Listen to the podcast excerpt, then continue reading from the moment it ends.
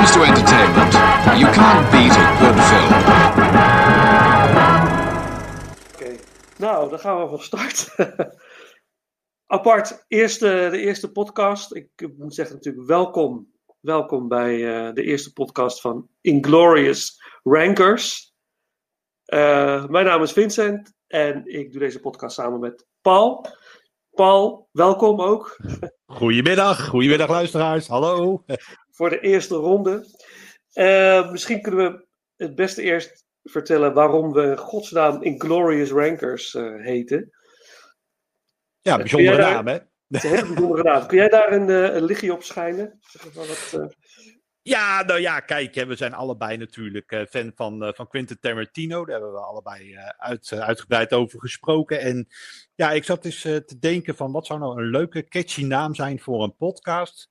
Waarin we ehm, ja, eigenlijk in grote lijnen steeds rankings gaan doen. Hè? Dus of thema's, of een bepaalde franchise, of, uh, of, uh, of ja, op bepaalde films ranken. toen dacht ik, ja, nou ja, als fans van Quentin Tarantino heeft hij natuurlijk heel veel leuke films gemaakt. Misschien leuk om ook dan met die titels te spelen. En toen kwam ik eigenlijk al heel snel op in Glorious Rankers. En ja. nou, jij, jij vond dat een hele leuke naam, dus... Ja, ja fantastisch. Is, hij blijft hangen. Ja, ja. ja, dat is hem gewoon. Ik zag het. Je had een lijstje gestuurd met verschillende opties. En die sprongen echt uh, direct uit. Ik vond hem echt geweldig. Dus uh, toen was eigenlijk de naam uh, officieel. Ja. En nu dus echt de allereerste podcast. Ja, je was, zei ook echt, was ook echt snel beklonken, de naam. Dat was Heel binnen no time geregeld. Ja, we waren snel eens. Ja. Nou, dat is goed. Dat is, dat is alleen maar mooi. Maar, uh, dus wat we gaan doen inderdaad, wij gaan uh, films ranken op basis van thema, franchise, uh, filmjaar zou ook nog kunnen. Zeker, ja. en iedere week zal een van ons een, nieuwe, een nieuw voorstel doen voor een nieuwe ranking. de eerste ronde hebben we eigenlijk samen bepaald. Ja. En dat wordt de Star Wars franchise. Jazeker. Ja, en dan wel de Skywalker saga. Over het Klopt. algemeen. Uh, maar met daarbij ook nog de twee zogenaamde vergeten Star Wars films. Ja, er zijn natuurlijk uh, behoorlijk wat uh, Star Wars films naast uh, de Skywalker saga gemaakt. daar praat je natuurlijk over de Clone Wars. daar praat je over natuurlijk het meest recent eigenlijk Solo en Rogue One. Maar er zijn ook een aantal films in de jaren tachtig gemaakt die eigenlijk heel snel vergeten zijn. Ja, en is dat terecht? daar gaan we het zo over hebben, denk ik. Of dat terecht is of niet. Ja, daar gaan we het. Uh, we, ten eerste, we gaan het zo over hebben welke films dat dan zijn. En is Ja. het inderdaad terecht dat ze zo snel vergeten zijn? Ja, Of ja, zelfs door de kennen overgeslagen worden. Hè? Dat, eh, ja, want je ziet hem eigenlijk nergens in de, in de officiële canon, zie je ze terug, eh, de titels die we zo gaan bespreken. we hebben het natuurlijk over de Skywalker saga inderdaad. En je vulde al aan ook de, de, de losstaande Star Wars stories. Maar niet de, de, uh, de animatieserie Clone Wars en Rebels. Die slaan we over. Die En de- over, ja. En de Holiday Special, die zit er ook niet in. Nee, exact. Want die verdient het ook niet om gerankt te worden. Nee, ik denk dat we daar vrij snel over eens zijn. zou het kunnen zijn dat dat. eh, die zou onderaan komen te bungelen. Dus Dat die, slaan we gewoon, die slaan we gewoon over voor. eh, ja. nou, we zijn allebei grote Star Wars fan. Grote Star Wars liefhebber. Anders hadden we niet hiervoor gekozen. En zou jij mij kunnen vertellen... Wanneer kwam jij in aanraking met Star Wars? Hoe ging dat en wat deed dat met jou? Ja, ik was echt een laadbloeien met Star Wars. Want ik weet nog heel goed dat ehm, eh, vanuit huis, eh, zeg maar, ik ben al sinds kind ben ik al, al, al filmliefhebber. Maar mijn ouders hadden niet zoveel met Star Wars. Dus ik keek vaak horrorfilms en eh, ja, natuurlijk de Disney animatiefilms. Eigenlijk standaard waar je mee opgroeit als kind.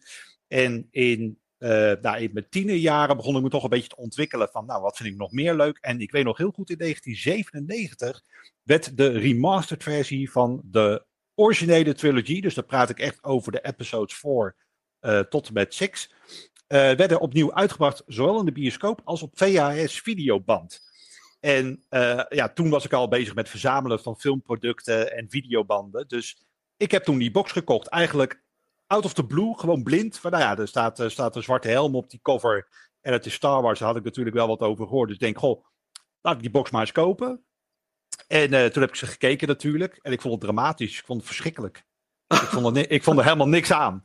Ehm, Oh, wauw. maar, maar naarmate dan dat je toch eh, wordt meegesleurd in dat universum. En toen met de release van, van eh, de eerste episode, de Star Wars eh, Episode 1, The Phantom Menace in 1999.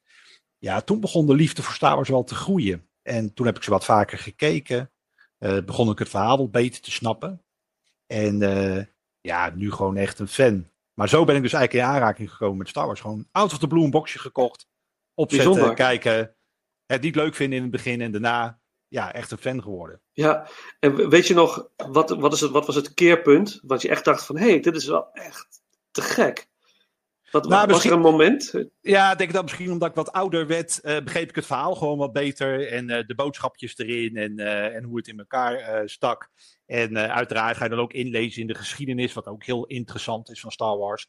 En ehm, ja, toen begon ik echt de cha- characters te waarderen. En ja, ik vond het gewoon leuk. En het, ja, het- de smaak is een beetje meegegroeid daarin. En ehm, ja, Bijzonder. dat is ja, de- ja, heel apart eigenlijk. Want de eerste keer dat ik ze keek, en dat weet ik nog heel goed, een, een, een, schoolvriendje van mij destijds, die nam me mee naar de bioscoop, naar die Empire Strikes Back. Had ik nog nooit gezien, die film. Dat was ja, in 1997.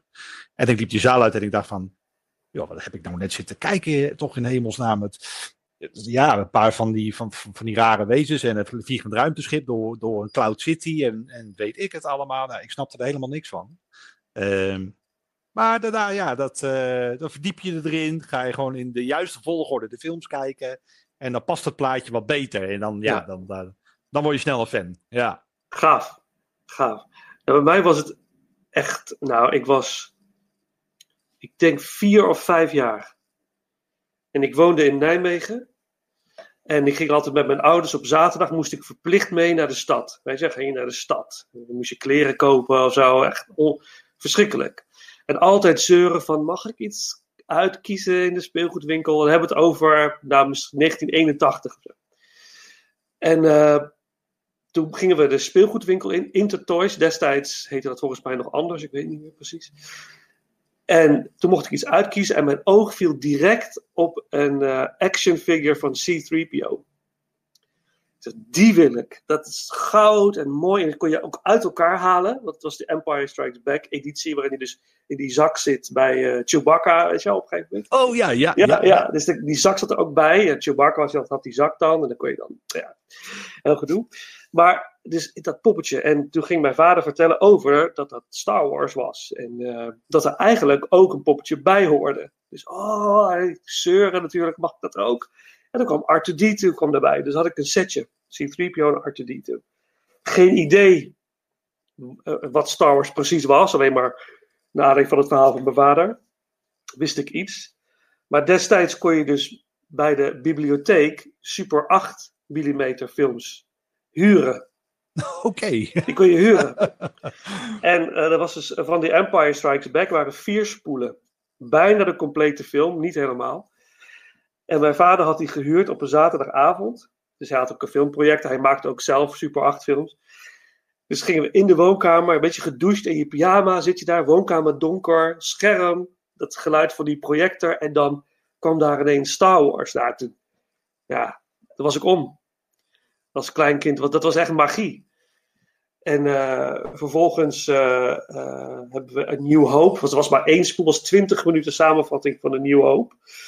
Dus, dus dat hebben we ook nog een keer gehuurd. Ook gekeken. En uiteindelijk in 1983 mocht ik met mijn vader naar Return of the Jedi. Dus dat, dat- die, heb ik, die heb ik in de bios gezien, destijds. Het enige wat ik nog weet, wat me heel erg aangreep, was dat Darth Vader die Emperor in die eh, stortkoker eh, eh, gooit. Ja, dat, dat was ook indrukwekkend. Ja, Ja, dat, ja, dat- was dat- echt. eh, zit nog op mijn Netflix. Dat moment dat ik daar zit en dat ik dat zag, dat vergeet ik nooit meer. Ja, toen was ik om. Toen ging ik dat speelgoed verzamelen, stripboeken lezen. En, eh, en inderdaad, in de jaren 90, 1997, een New Hope in de bios gezien. Ja, het was gewoon, dat was magie. En dat is eigenlijk altijd een beetje blijven hangen. Dus het is ook heel nostalgisch voor mij, Star Wars. Maar het heeft een hele bijzondere, hele bijzondere waarde. Ja, ja, het is ook gewoon heel bijzonder dat een franchise zoals Star Wars, dat is. Hè, ik, ik kijk daar wel eens naar de characters en ja, ik heb natuurlijk ook mijn favoriete characters. Ik ben natuurlijk een enorme fan van Darth Vader. Ik denk dat dat uh, heel veel Star Wars fans uh, wel zijn. Het is altijd wel Darth Vader, Han Solo of Luke Skywalker. Ja. Uh, maar Darth Vader is super imponerend karakter natuurlijk. En ik had laatst had ik weer iets in mijn handen uh, met een afbeelding van Darth Vader erop. En ik kon het me eigenlijk niet voorstellen van, jongens, dit is al 40 jaar populair. Ruim 40 jaar populair. Dat is ja. natuurlijk ongekend. Ja. Dat is ongekend. Ja. En dat is natuurlijk heel bijzonder aan de complete franchise. Dat het al zo lang iedereen in zijn ban houdt. En elke keer weer uh, met een nieuwe release van een film of een, of, of een serie. Of inderdaad boeken of stripboeken of merchandise, Lego pakketten.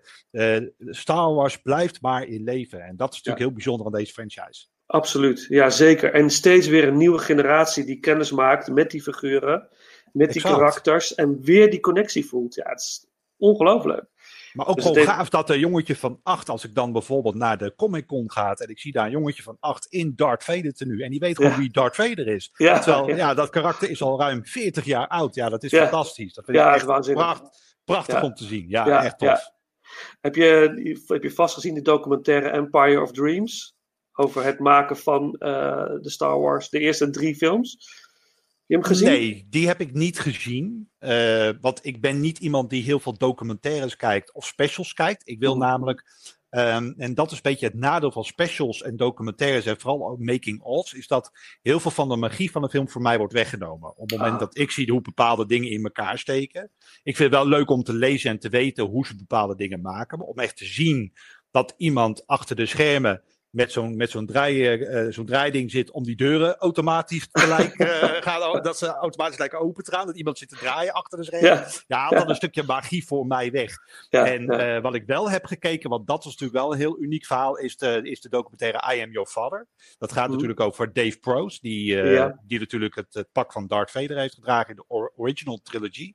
Mhm. Ehm, en wat eigenlijk met die man gebeurd is en wat er allemaal in die periode zich heeft afgespeeld en wat voor.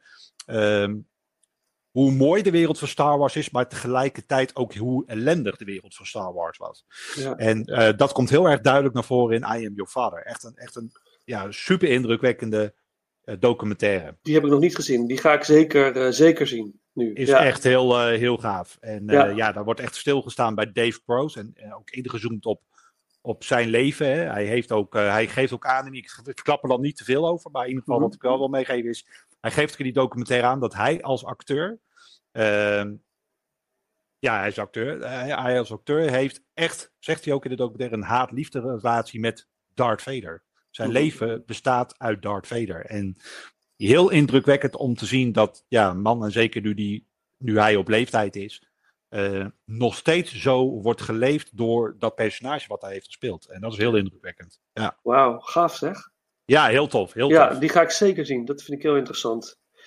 Eh, In Empire of Dreams zie je ook vooral de reis van George Lucas. Wat hij heeft moeten doen om die film überhaupt eh, te kunnen maken. Ja, Dat, is, dat is waanzinnig. Dat, geen enkele studio zag iets in Star Wars. nee. En dat er ergens een, iemand binnen, bij 20th Century Fox dacht van... hé, hey, laten we die jongen nou gewoon een kans geven.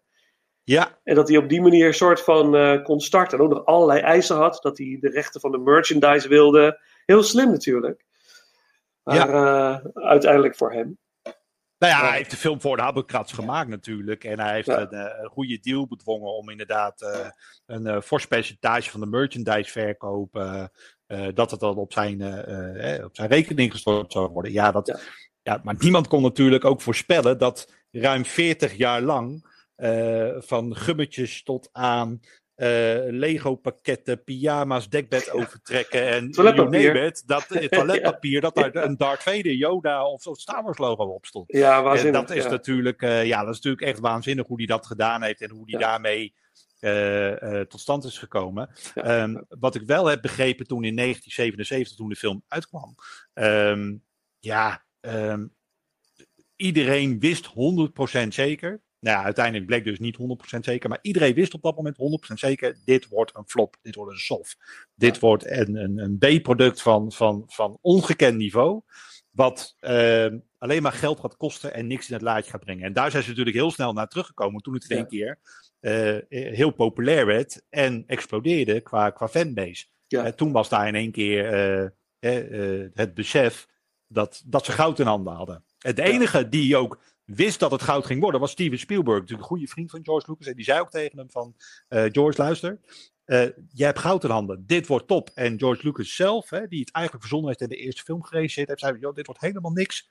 Dit gaat floppen. Uh, ik ga nog eens naar die première. Ik geloof het allemaal wel. Ja. Maar ja, Steven Spielberg had bij het recht eind. Dit was echt goud in handen. Ja, mooi, mooi. En het is natuurlijk ook, Lucas is gewoon een visionair natuurlijk. Dat wist hij misschien toen nog niet. Maar hij had ook bijna, hij kreeg bijna een hartaanval tijdens de opnames. Dus die, opnames waren, was echt een terror voor, uh, voor die man. Want de acteurs namen hem ook niet serieus. Ze maakten echt grapjes over wat er allemaal gebeurde. Want die hadden natuurlijk ook geen idee van wat ze aan het doen waren. Uh, het is een heel bizar script met rare zinnen en rare dialogen. Die, die in principe, als je het leest, nergens op slaan. Maar als je ze geëdit ziet met de muziek en alle mooie special effects, dan klopt alles ineens. Ja, maar precies. ik kan me voorstellen als acteur, als je dat script leest, denk je van, wat, wat, wat is dit? Wat betekent dit? Begrijp je? Dus het, Heel, ja, ja. Nou ja, een goed voorbeeld is natuurlijk met Terrence Stamp, hè, die absoluut niet terug wil keren voor uh, episode 3, Revenge ja. of the Sith. Ja, Hij deed natuurlijk in, uh, in episode, uh, in episode nee dat zeg ik verkeerd, niet in episode 3, hij wou in episode 2 niet terugkeren. hij zat, hij zat natuurlijk in episode 1. En ehm, ja, hij, waarom Terrence Stamp die rol op aangenomen, die, ten eerste dat hij mee kon doen met een Star Wars film, en ten tweede, hij wil heel graag een scène opnemen met Natalie Portman. Ja. En op de dag dat uh, Terrence Stamp scènes uh, mocht komen opnemen, toen hing daar een fotootje van Natalie Portman. Ja, dat was daar nog eens een foto, dat was op mijn stuk papier, hing daar aan de muur. En, daar, en, en daar achter hem een greenscreen. En daar moest je dan voor en tegen acteren. En toen hij dus werd gevraagd om terug te keren als Chancellor Flormin episode 2, ja. toen zei hij ook van, joh, dat doe ik niet, want ik werk graag met echte acteurs en niet met papier en greenscreens. Ja. En ik doe het niet. Ja. En nee. daarom is hij ook niet, uh, keert hij ook niet terug in uh, Attack of the Clones. Ja, bijzonder verhaal. Ja, dat was echt. Toen ik dat ook las, dacht ik ook van ja, ik snap hem wel. En natuurlijk, je wil als acteur hè, heb je bepaalde verwachtingen misschien bij hoe het eraan toe gaat op zo'n set. Of hoop je natuurlijk stiekem ergens op. zoals inderdaad een scène opnemen bepaalt iemand waar je misschien bewondering voor hebt. Ja. Anderzijds, ja, dat, dat, dat, daar kan je natuurlijk over discussiëren. Is het ook een professionele instelling als je uh, haast stampvoetend als een klein kind uh, zegt van nou, ik vind dit helemaal niks en ik doe het niet meer. Hè? Ik denk ook dat je als acteur professioneel moet opstellen en wel onderdeel uitmaken op dat moment van iets bijzonders. Dat denk ik wel, ja, ja, ja. Maar ja, goed. Ja, je hoort ook vaak de, de nou, laten we misschien niet arrogantie noemen van acteurs, maar weet je, dat, dat het is, het is vrij nieuw natuurlijk. Het past echt bij deze tijd. Hè? Dus de, het werken met uh, CGI en met uh, uh, motion capture en met green screens. En die Terrence Stamp komt natuurlijk uit een tijd waarin echt nog ruw werd geacteerd. En alles, ja. bijna alles practical was. En, Inderdaad, hè? dat je gewoon zo... inderdaad uh, nog gewoon de mensen in rubberen pakken. En ja. die dan een monster moeten voorstellen en ja. dat soort dingen. Ja. ja, dus ja, dat is een hele andere manier van filmen ja. natuurlijk. Maar van de andere kant, van de andere kant, Christopher Lee, Ian McKellen in Lord of the Rings, snap je? Die doen het wel. Ja. En dat zijn ook de echte, de echte grote.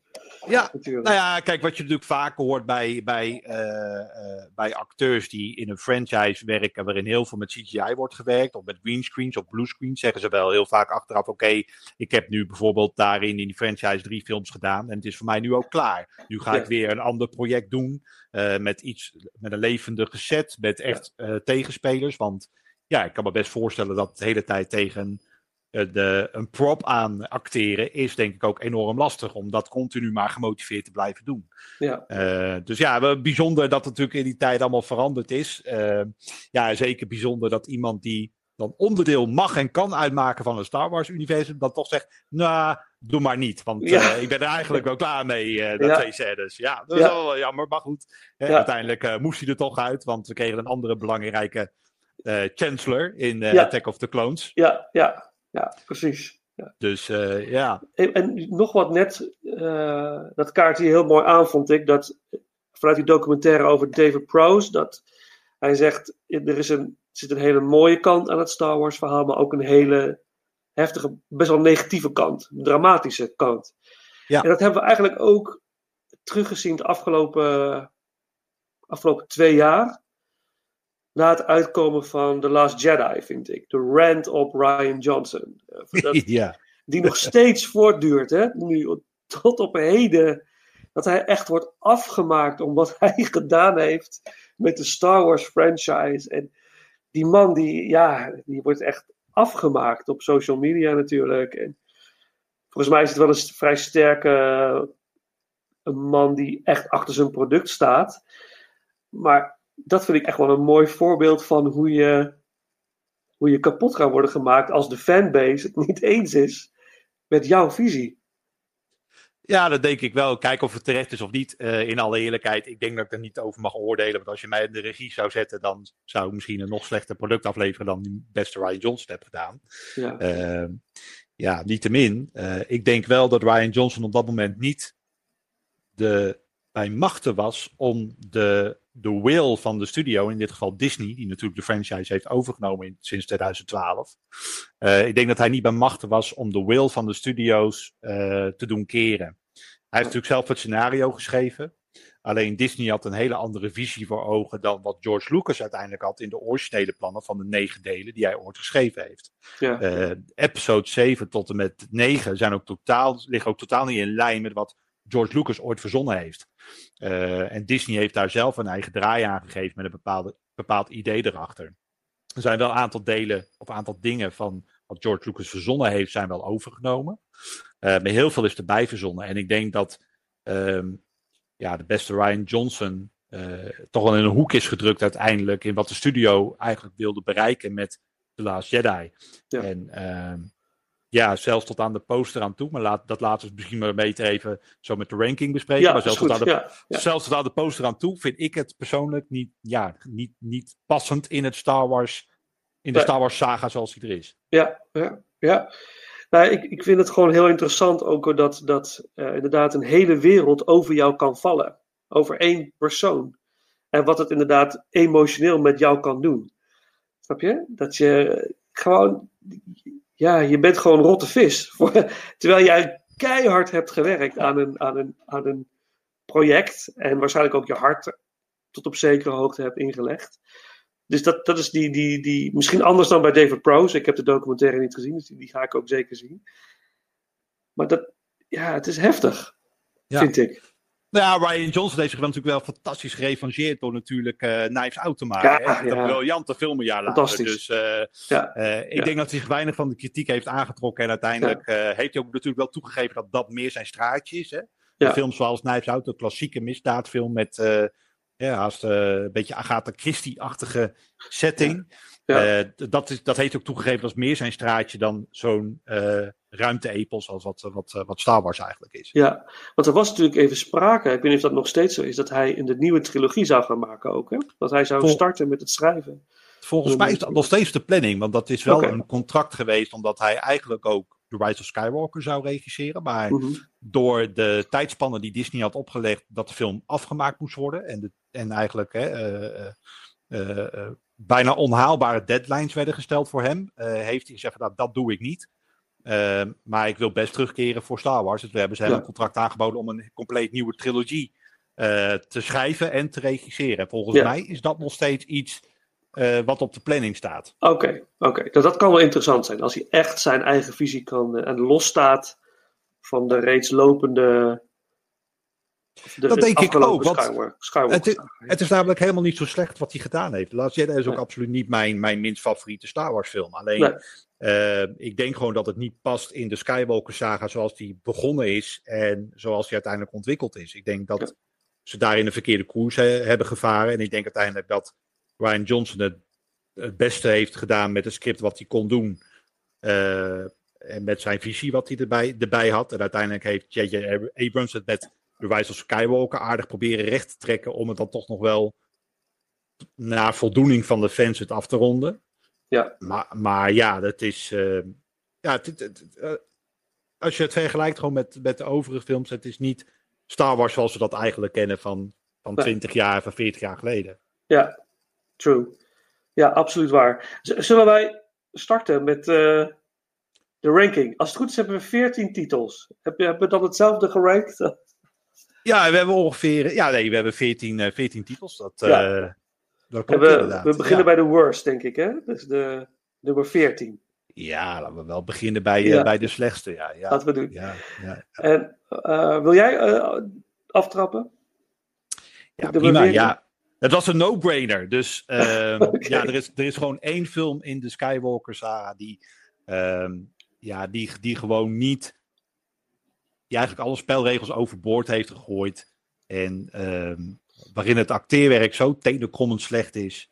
eh, waarin Yoda voor het eerst volledig gedigitaliseerd te zien is. Terwijl ik toch echt wel gecharmeerd ben van eh, de animatronic, de, de puppet, die, eh, die Frank Oz altijd heeft bediend.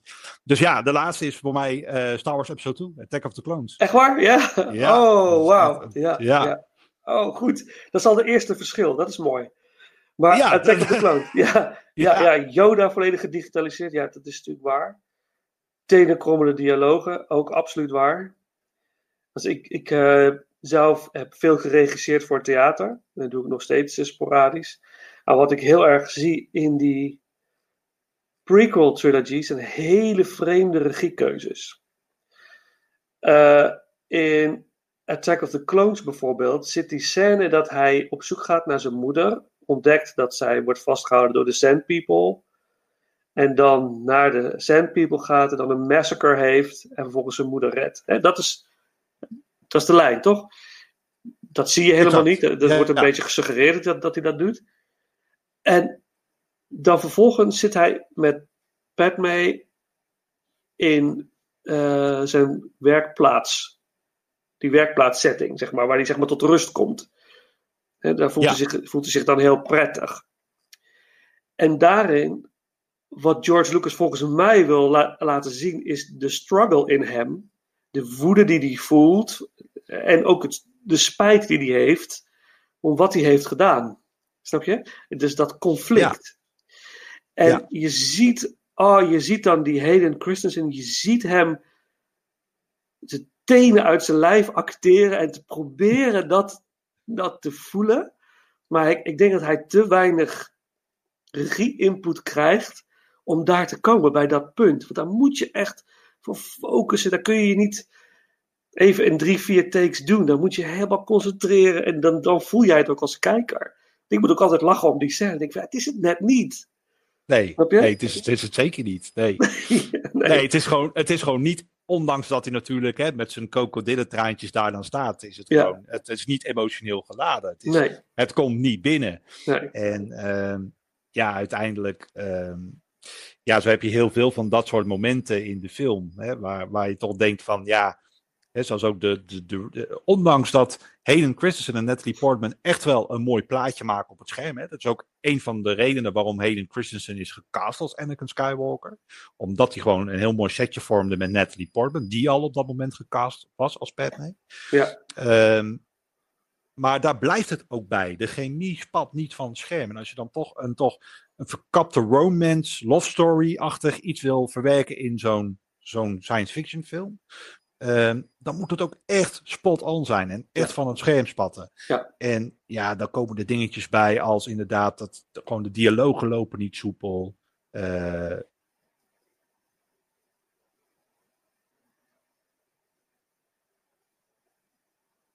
Nou, je bent even weg. De verbinding is even weg. Ja, hey, hij Ja. gooide hem eruit, maar ik ben er weer. ja oké. Het laatste wat ik hoorde was de dialogen lopen niet soepel. Nee, de, dia de dialogen lopen niet soepel. En daarnaast nog eens een keer Yoda volledig gedigitaliseerd. Ehm, heel veel CGI. Echt ontiegelijk veel CGI. Ja. Ja, het, het, het, er zitten echt wel leuke dingetjes in de film. Ehm, maar het is het gewoon net niet. En waar ik me ook heel erg aan heb gestoord.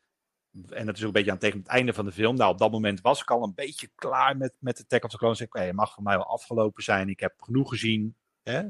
Ja. Ehm, maar dan komt er nog een moment dat Yoda de strijd aangaat met Count Dooku. En dan komt hij dan bij die setting waar Count Dooku net geland is. Waar hij net eh, Obi-Wan Kenobi en Anakin heeft verslagen. Hè? Die liggen dan Ja. voor Pampus daar eh, eh, te liggen. Komt eerst Yoda binnengestrompeld om vervolgens compleet los te gaan met zijn lightsaber. en elke kant op te bouncen die je maar kunt verzinnen. Ja, toen, ja. de- toen dacht ik echt van oké, dit is klaar. Dit, eh, dit, dit is niet de Star Wars film die ik die, Nee. ik, eh, die ik leuk vind. Nee. Nee. En ze denken dat het een beetje te maken heeft met dat George Lucas vaak in zijn achterhoofd heeft dat, het, dat hij het voor kinderen maakt. En niet voor volwassenen. Ja,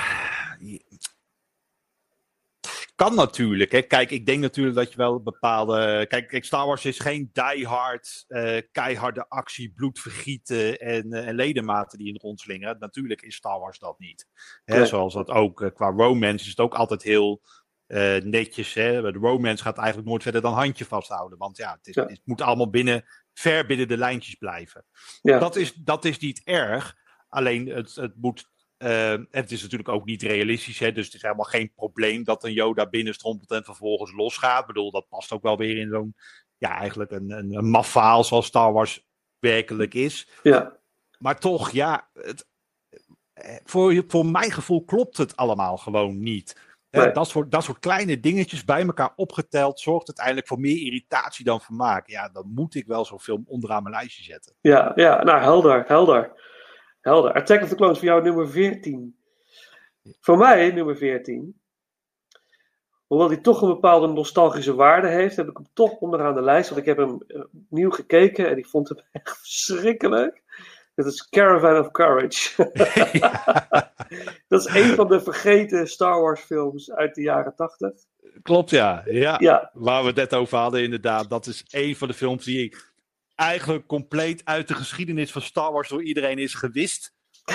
Hij zit niet in de canon, maar ze zijn wel degelijk gemaakt. die zijn echt gemaakt, ze bestaan. Het is echt eh, afschuwelijk. Eh, ik heb hem destijds ook in de bioscoop gezien met mijn ouders. En eh, in het Nederlands nagesynchroniseerd, notabene. Want in Amerika was hij, is hij alleen op tv uitgebracht. Hè? Het is made for television. Nee, maar dus eh, in het Nederlands nagesynchroniseerd met Henny Huisman. destijds heel bekend door de Playback Show, volgens mij. Ja, playback show, soundmix show. Ja, ja. ja, als, als Mees. Eh, ja, destijds vond ik het volgens mij wel oké.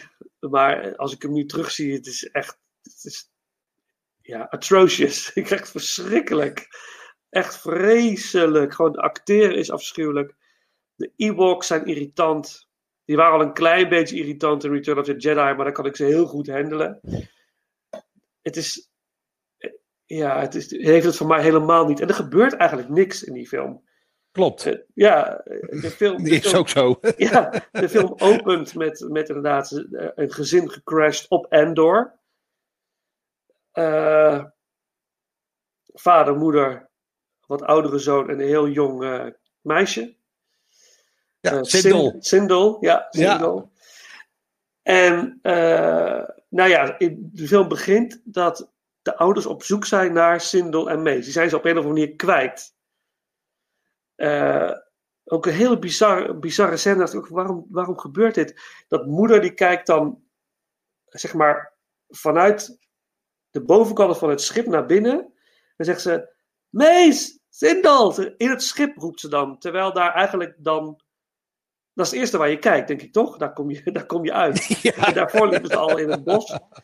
En het typisch is dat, dat zeg maar een paar uur later door, door de Ewoks wordt Sindel in dat schip gevonden. Ja, het is heel, heel, heel bizar allemaal.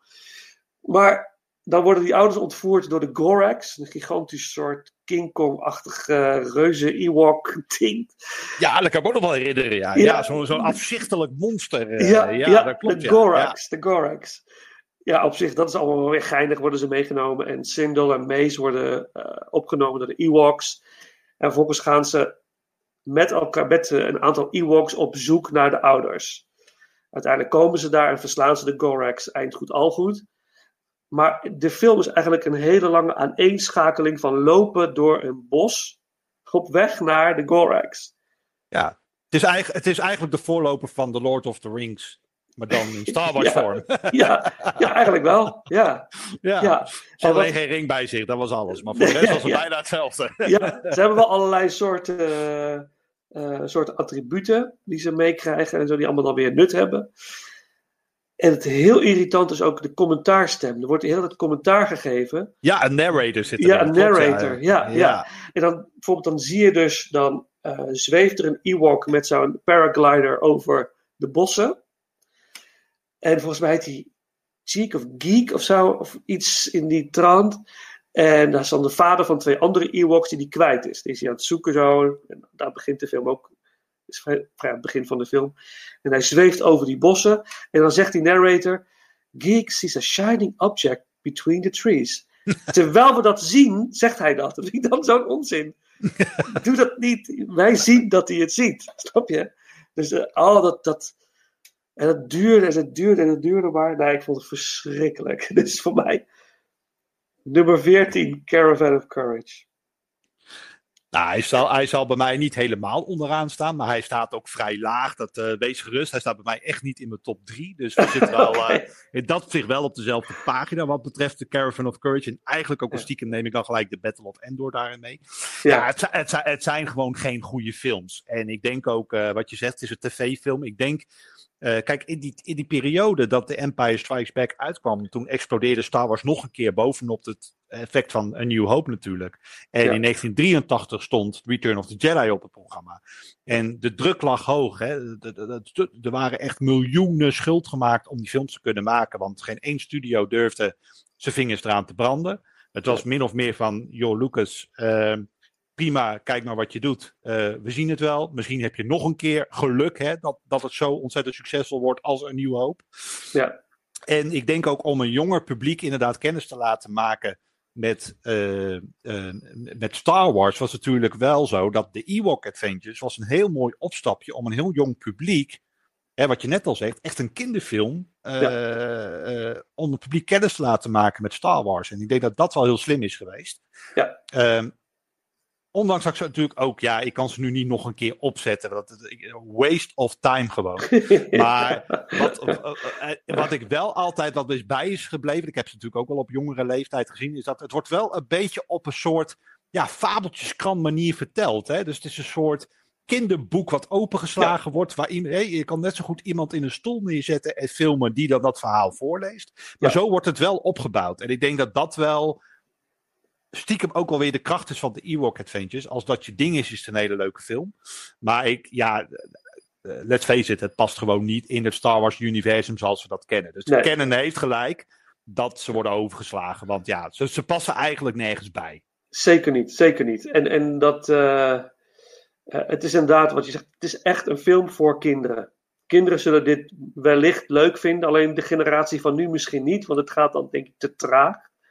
Er gebeurt ja. te weinig iedere vijf minuten om, om het boeiend te houden op dit moment, denk ik. Voor... En het ziet er ook gewoon niet meer uit natuurlijk. De effecten zijn echt belabberd voor deze tijd. ja, zeker, is... zeker. En het acteerwerk, niet te vergeten. Nee. Van, uh, een leuk dingetje wat, wat ik heb ontdekt. Eric Walker, die speelt zeg maar de grote broer van Sindo. Mace. En hij uh, heeft destijds van George Lucas, want er spelen veel kinderen ook mee. Ook in die, in die Ewoks uh, zitten ook. En George Lucas wilde ook dat de kinderen wel werkten aan school. En hij heeft dus Warwick Davis, die Wicked speelt, die ook nog kind was toen.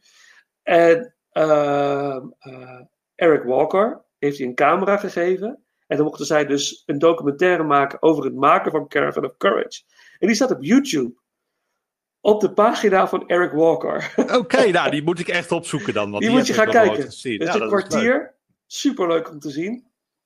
Dat er echt met liefde aan gewerkt is, dat is gewoon echt wel te zien. Ja. En Eric Walker is best wel een verdienstelijke muzikant geworden, moet ik zeggen. Oké. Okay. Beetje New Age-achtige cool. muziek.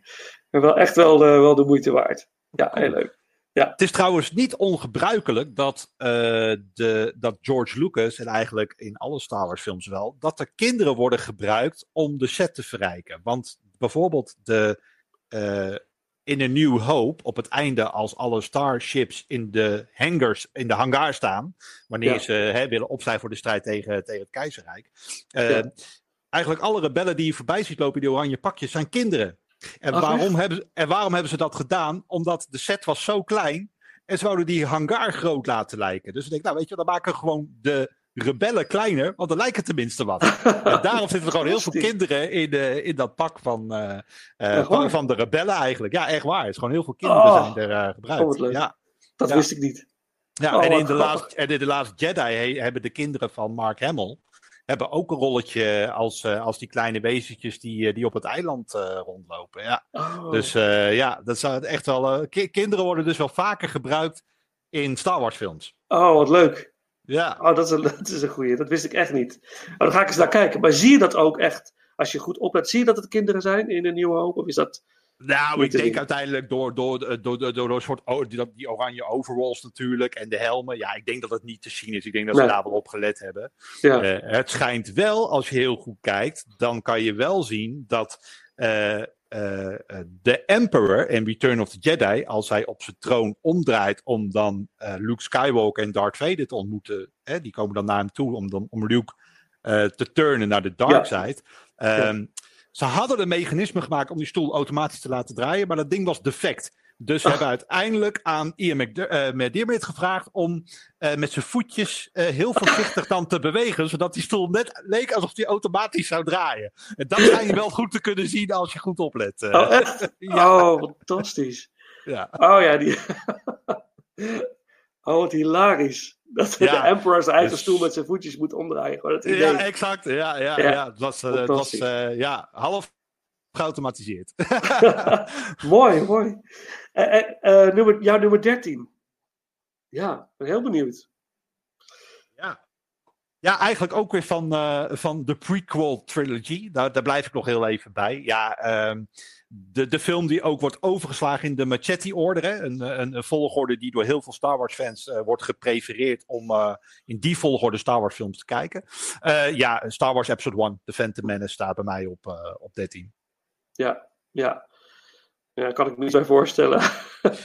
Ja, en, en, en wat ik ook wel, wat ik dan wel vind, is dat hij wordt natuurlijk door heel veel fans door het slijk gehaald. Nou, laat, laten we ook eerlijk zijn, eh, Jake Lloyd, ze hadden dat jongetje nooit moeten casten als Anakin Skywalker. Tenen krommend slecht, echt heel slecht geacteerd.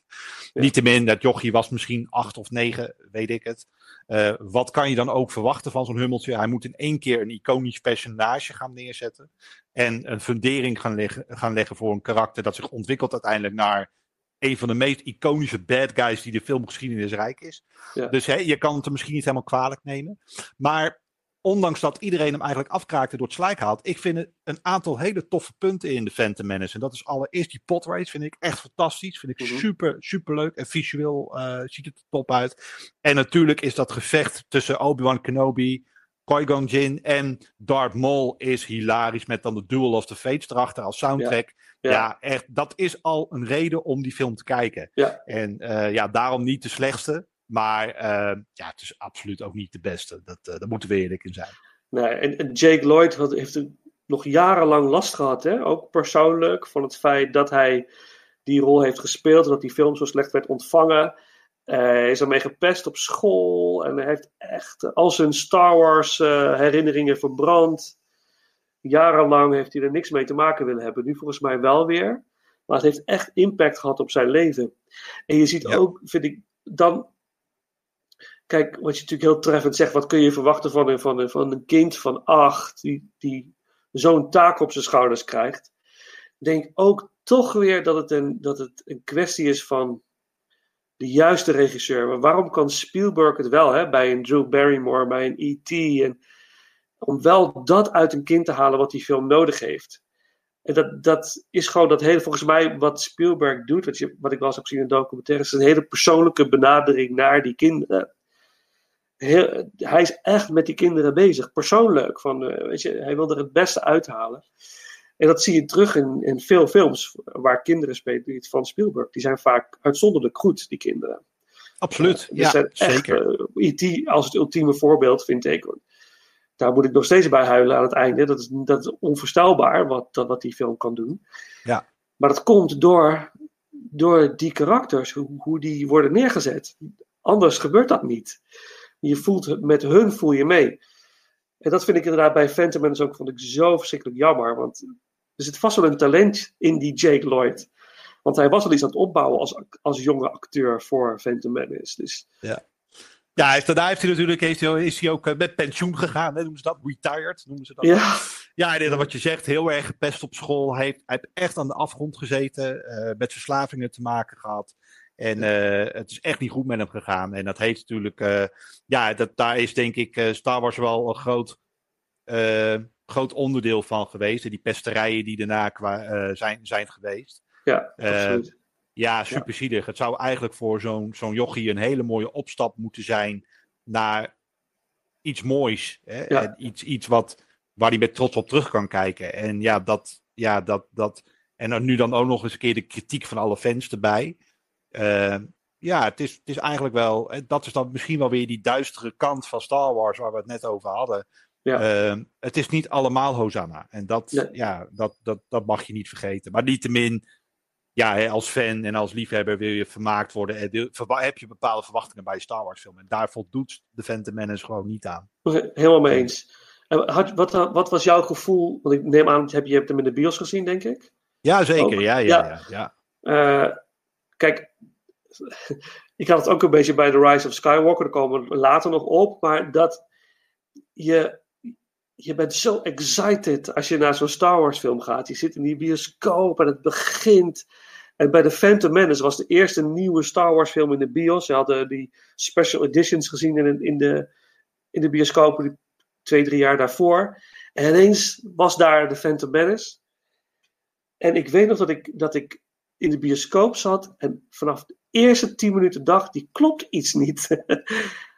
Dit klopt niet. Het begin was heel raar, weet je. Het was al gelijk helemaal eh, eh, eh, buiten alles wat, wat je verwachtte. En gedurende die hele film had ik dat gevoel, want die klopt iets, er is iets niet goed. Maar toch wil je met al je macht die film goed vinden. Dus dan ga je, dan ga Ja. je nog een keer. En ben, ik ben drie keer gegaan omdat je wil gewoon, dat je hart ligt zo bij Star Wars. Dan denk je, ik moet, hij moet goed zijn. Het kan niet dat het slecht is. Dus jij dacht bij jezelf van, ja, ik heb al zes uur van mijn leven gespeeld. Dan kan die 20 euro telkens kan er ook wel achteraan. Dat maakt dat niet uit. ja, inderdaad. Nee, maar snap je wat ik bedoel? Dat, Ja. dat gevoel van, ik, ik moet het goed vinden. Want Nou ja, dat heb je natuurlijk eh, met heel veel sequels en heel veel eh, uitbreidingen van franchises en heel veel remakes. Hè. Je wil eigenlijk, ehm, je gaat op zoek naar positieve dingen. Omdat eigenlijk per definitie een Star Wars film, als je daar fan van bent, kan per definitie niet slecht zijn.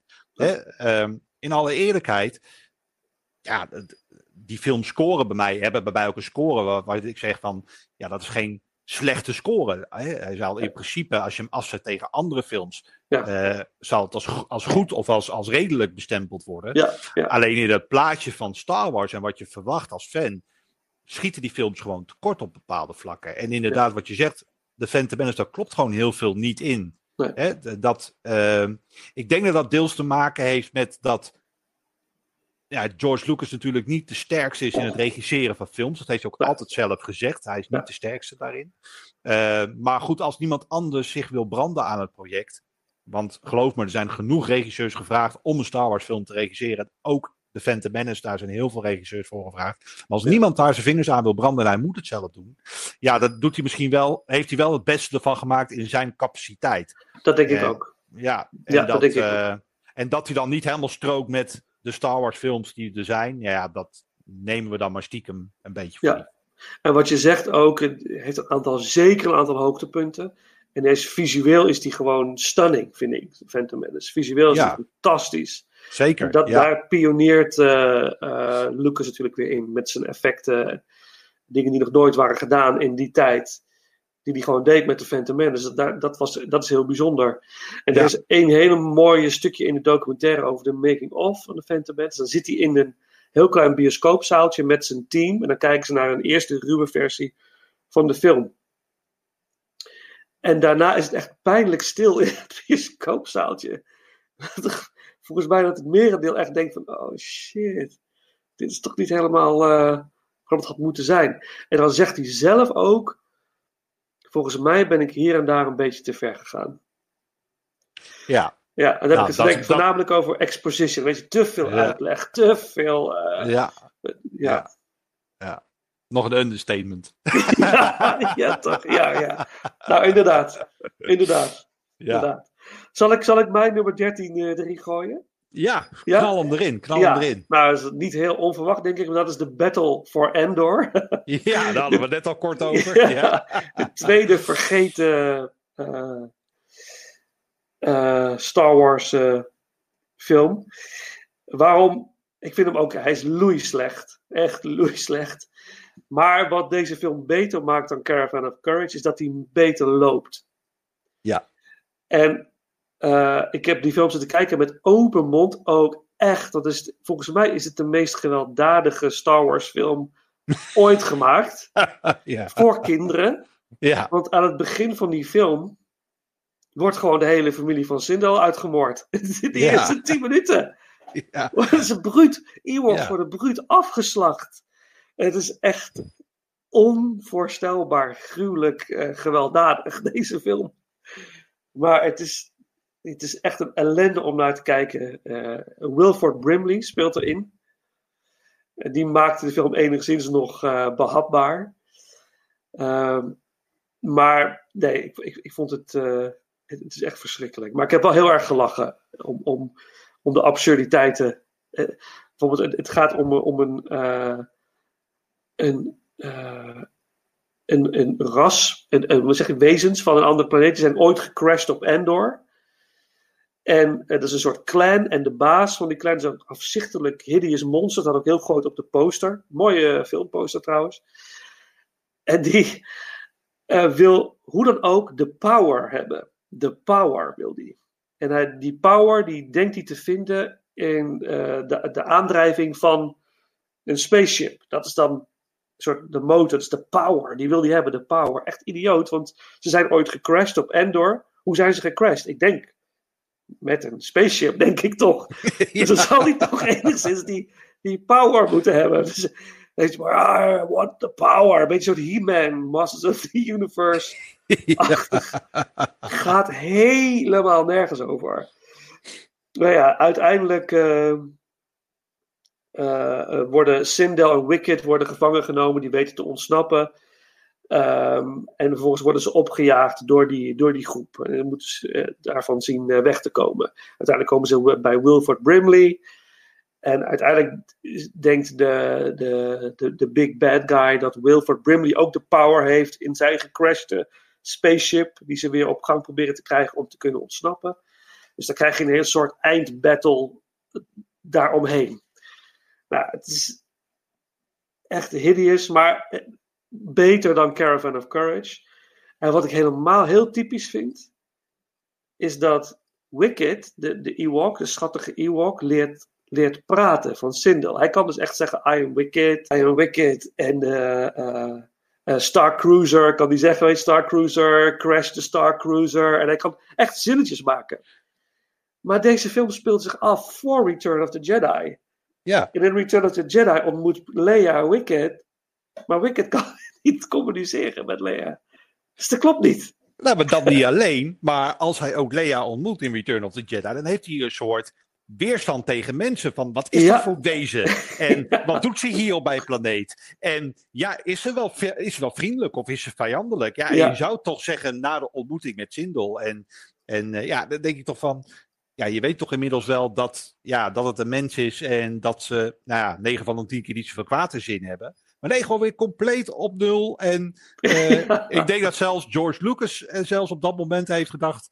eh, en, en de regisseur op dat moment heeft gedacht van joh.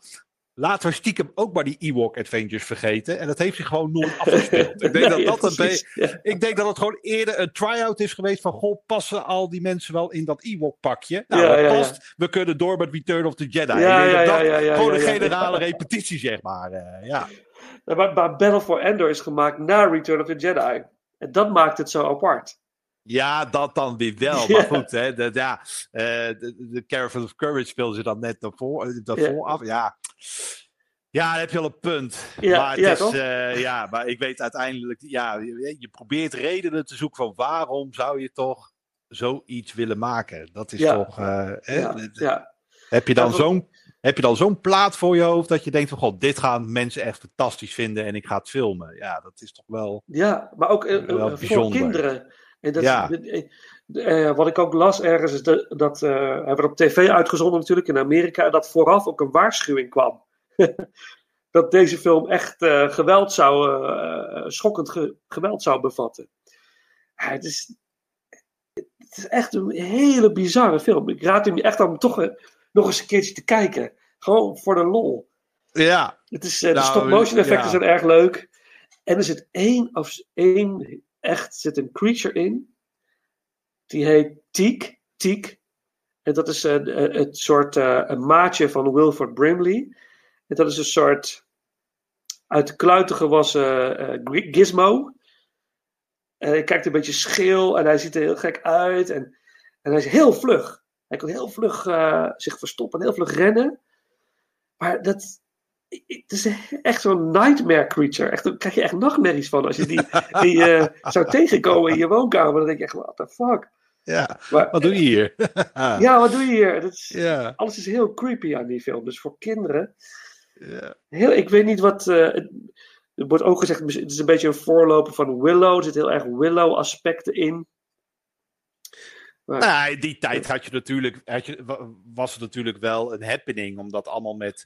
Hè, het, het, eh, als, ik weet nog heel goed, in mijn jeugd keek ik Liegebeest. Dat was ook zoiets met poppetjes en dat soort dingen. En Liegebeest. natuurlijk. Hè. ja, ja, ja, en ja. ehm, ja, als je dan toch moet vergelijken, da- daar, daar hebben de settings van de Battle of Endor en Cavern of Courage hebben heel veel weg van dat soort programma's. ja, ja. Dus misschien dat, ehm, ja, misschien dat ze wel dachten van, joh, we kunnen daar een graantje meepikken en eh, op die manier het jonge publiek kennis laten maken met, eh, met Star Wars. Ja. Maar ja, inmiddels, eh, eh, nou, pak een beet, 37 jaar later. ja, ik heb hem op DVD liggen, maar ja, er is ook alles, alles mee gezegd. Hij staat prima. Dat staat prima, heel mooi plekje. Mooi Ja, qua de kleurcompositie. Ja, precies. Ja. Fantastische rug van de DVD. Best zo. Ja. ja, ja, ja. ja, ja. Nou, jouw nummer 12. De nummer 12. Ja, we hadden het er al natuurlijk even over, eh, over gehad. Meneer Ryan Johnson heeft zijn beste beentje voortgezet. Maar nee, eh, Star Wars The Last Jedi. Het is gelukkig niet zo tenenkomend slecht als eh, Attack of the Clones en The Phantom Menace. Maar ja, toch ook wel weer de vreemde eend in de bijt hoor. Het is, het is, het is niet helemaal Star Wars. Nee, ja, eens. Eens, ja. Hij staat bij mij niet zo laag als bij jou, maar ik ben het wel met je eens. Ja.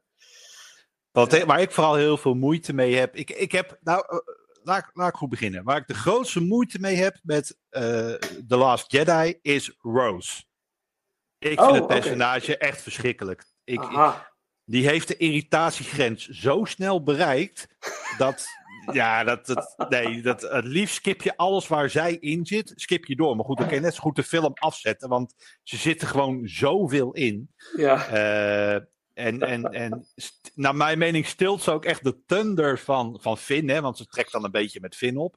Nou vind ik Finn ook niet het meest interessante personage van de New Trilogy, maar toch, het is een van de hoofdrol, hoofd, eh, hoofdpersonages. Dus Ja. eh, ja, waarom? Waarom moet je die Rose daar neerzetten? Waarom zit die Benicio del Toro er maar vijf minuten in? Ik denk, ja, had, had, dat omge, had dat omgedraaid? ja, absoluut. Weet je wel? En Ja. dat, dat, dat is. Nou, first, first of all is dat mijn grootste manco. eh, Vind ik het grootste manco van The Last Jedi. Mhm. Eh, terwijl ik juist het hele concept van dat Luke Skywalker zich heeft afgezonderd. Dat hij eigenlijk de Jedi de rug heeft toegekeerd. Ja. Ehm, Zijn laatste dagen gewoon in eenzaamheid wil slijten. eh, en dan toch Rey gaat trainen als de, als de nieuw, nieuwe Jedi. Ja. Eh, dat concept vind ik super vet. Ik vind de Porks, ondanks alle kritiek, vind ik super geinig. Echt super schattig. ja, leuk. Ja, ja, Ja, super leuk. Ja. En eh, vooral de, de humor dat wanneer Chewbacca dan een van die porks net heeft gevuld en op het rooster legt, dat er twee van die, ziele, twee van die zielige beestjes van die kraaloogjes naar zitten te kijken van, goh, waarom eet je nou mijn vader of mijn moeder op? Ja, dat vond ik echt wel fantastisch. Vond ik echt heel leuk. Eh, Ja. Maar nee, de Last Jedi heeft wel, eh, heeft wel wat, eh, wat, wat manco's. En wat ik heel erg storend vond was, hè, er kwam natuurlijk het nieuws naar buiten dat Carrie Fisher kwam te overlijden. Natuurlijk super, super emotioneel moment. Ja. Zeker ook voor de fans, want ik denk dat, ja, Carrie Fisher is toch iconisch, iconische actrice voor Star Wars altijd geweest. Zeker. Princess Leia. Ja. En er komt natuurlijk een moment dat, eh, ja, eh, eh, Kylo Ren gaat, die valt het schip aan van zijn moeder. En, en, die, en, en, en, de, en de brug wordt opgeblazen. Dus Leia wordt in space geschoten met alle Ja. debris. Ja. En toen zat ik echt op dat moment van, oké, dit is wel een heel mooi afscheid. Hè? Het, is, het is wel heftig dat je haar, dat, dat je haar kilt door de eigen zoon. En op die manier dat je gewoon in de ruimte wordt uh, geschoten en je bent dood. Ja. En nog geen twee seconden later, als een of andere Superman, vliegt ze terug naar de, naar, de, naar de kapotte brug. Heel apart ook, want op dat moment konden de deuren gewoon geopend worden en kon ze gered worden. Terwijl je dan denkt, nou, op het moment dat die deur open gaat, dan zal de pressure wel wegvallen ja, en alles ja. explodeert. Nee hoor, dat kon gewoon. Helemaal geen probleem. En uh, op miraculeuze wijze overleeft ze het ook allemaal en uh, is het allemaal weer koekenij uh, binnen een tijd. Ja, waarom? Ik snap het niet. Ik denk, had, had, had die dame een waardig afscheid gegund? Het is heftig, maar wel een mooi afscheid geweest. Nee, je laat haar dan toch terugkeren. Dat, dat vond ik ook super storend aan, uh, aan The Last Jedi. Ja. Echt. Echt Weet je, dat, dat is echt zo'n voorbeeld. Toen ik The Last Jedi in de bioscoop zag, met die scène raakte het me dat het gebeurde. Ik denk, wow, dat is, ze heeft de Force. Ik denk, wow, ik zat er helemaal zo, wow, dat, ik vind het heel mooi. Maar dan zag ik hem voor de tweede keer. En toen zag ik inderdaad van, wat is, eigenlijk is het idioot dat dit ja. gebeurt. ja, dat dus. Het is gewoon heel idioot, want er, er wordt helemaal niet op uh, uh, gefocust in de andere films. Dat zij dat ook zo sterk heeft. Ja, wel een beetje, maar niet zo, zo sterk. Nee. Want zij kan eigenlijk nu eigenhandig, uh, hoe heet ze, de, de daar kom ik niet op de naam. niet de Empire, maar waar Kylo Ren in zit. Oh, de First Order. De First Order verslaan, eigenlijk, met die kracht. ja, ja. ja dan, eigenlijk is het klaar, zou ja. je zeggen. He, samen met Luke, nou ja, eitje. ja, appeltje, appeltje eitje, ja, handjes erin slaan. Ja. ja. Ik denk alleen dat, dan, dat de trilogie geen trilogie was geworden. Dan had je een nee. film gehad van anderhalf uur en dat was klaar geweest. Ik denk dat dat, dat misschien de reden was om het anders te doen. Maar ja, ja, ja, nee, het is, het is ja, ja, nee, het, nee, het past gewoon niet. Nee, nee. ik denk, wel, had, uh, weet je, uh, ha, was een mooi afscheid geweest. En dat hebben ja. ze gewoon binnen twee seconden verpest. Ja. En uh, ja, dat, ja, dat deed wel zeer uiteindelijk. Toen had ik zoiets van ja. En wat ik ook heel dramatisch vond, en dat vond ik ook wel, want eerlijk, visueel, The Last Jedi is echt top. Het ziet er allemaal mm. fantastisch uit. Die troonzaal van Snoke, waar dat gevecht plaatsvindt. Ja, briljant. Die... Ja, heel mooi. Ja. Awesome. Echt awesome. Ja. Uh, zo zijn er nog wel meer momenten. Ook dat de slotscène met de AT&T-walkers. Ja. Op, dat, op dat witte zand met dan wat dat rood kleurt ja. op het moment dat ze daar doorheen. Ja. Echt visueel briljant. Echt top. Ja. Maar waarom kan er dan niet een heel klein beetje van dat budget wat ze daar allemaal naartoe gestopt hebben, kan er dan niet in die scène gestopt worden dat dan die Finn en die Rose, die vluchten dan op een soort veredelde koe uit het casino vluchten ze dan. Ja, en het ja. ziet er niet uit. Uh, het is echt gewoon 1977 all over again. En denk, ja. ja. dat kan niet in een film anno 2017. Nee, en dat, nee. uh, dat was ook een van de grootste minpunten, vond ik, van The Last Jedi. Het uh, zoveel steken laten vallen op dat vlak. En dat, dat vond ik heel jammer. Ja, ik, ik vind de The Last Jedi, ik, uh, bij mij staat hij hoger gerankt. Mm, Kijk, ik, ja, er zitten heel veel minpunten. Ook de, de, de melk uit de tepels van die aliens op het eiland vond ik ook echt bizar. Ja, dat, dat is verschrikkelijk. Dat, dat, dat, dat, hoeft niet. Dat hoeft, dat hoeft, dat hoeft niet. Hoef, nou ja, weet je, het, het mag wel, maar we hoeven het niet te zien. Nee, nee, precies. Dat precies, is het gewoon. We hadden het niet hoeven zien. Maar wat, wat, die, wat de film nog echt wel voor mij de moeite waard, echt wel de moeite waard maakt, is, is Kylo Ren dat conflict in hem de hele tijd vind ik zo interessant om naar te kijken. Die scènes dat die stilte valt, ineens dat alles stil wordt en dat ze elkaar kunnen voelen, elkaar kunnen zien. Dat blijkt dus eigenlijk ook waardoor zij dus een fase verder zijn dan de andere Jedi's eigenlijk. Ze zijn er verder. Wat Yoda ook op een gegeven moment zegt uh, later in de film, vind ik ook heel. De scène met Yoda vind ik heel bijzonder. De dingen die hij zegt vind ik heel leuk. Er zit weer wat van de, wat meer humor in ik vond het conflict tussen Mark Hamill en Kylo Ren op zich ook wel iets hebben aan het eind. En de verrassing dat hij er niet fysiek aanwezig is, vond ik ook wel interessant. Uh, dus het heeft, het heeft, ja, en de, de scène met Snoke vond ik heel verrassend dat ze hem doden. Dat had ja. ik echt niet zien aankomen. Dus dat, dat, hij verraste me wel op bepaalde punten. Maar ook op heel veel punten ook weer zo van, ja... Weet je, alsof ze er te veel uh, in willen stoppen. Um, wat The Empire Strikes Back goed doet, vind ik, is dat hij je focust op een aantal karakters. En that's it.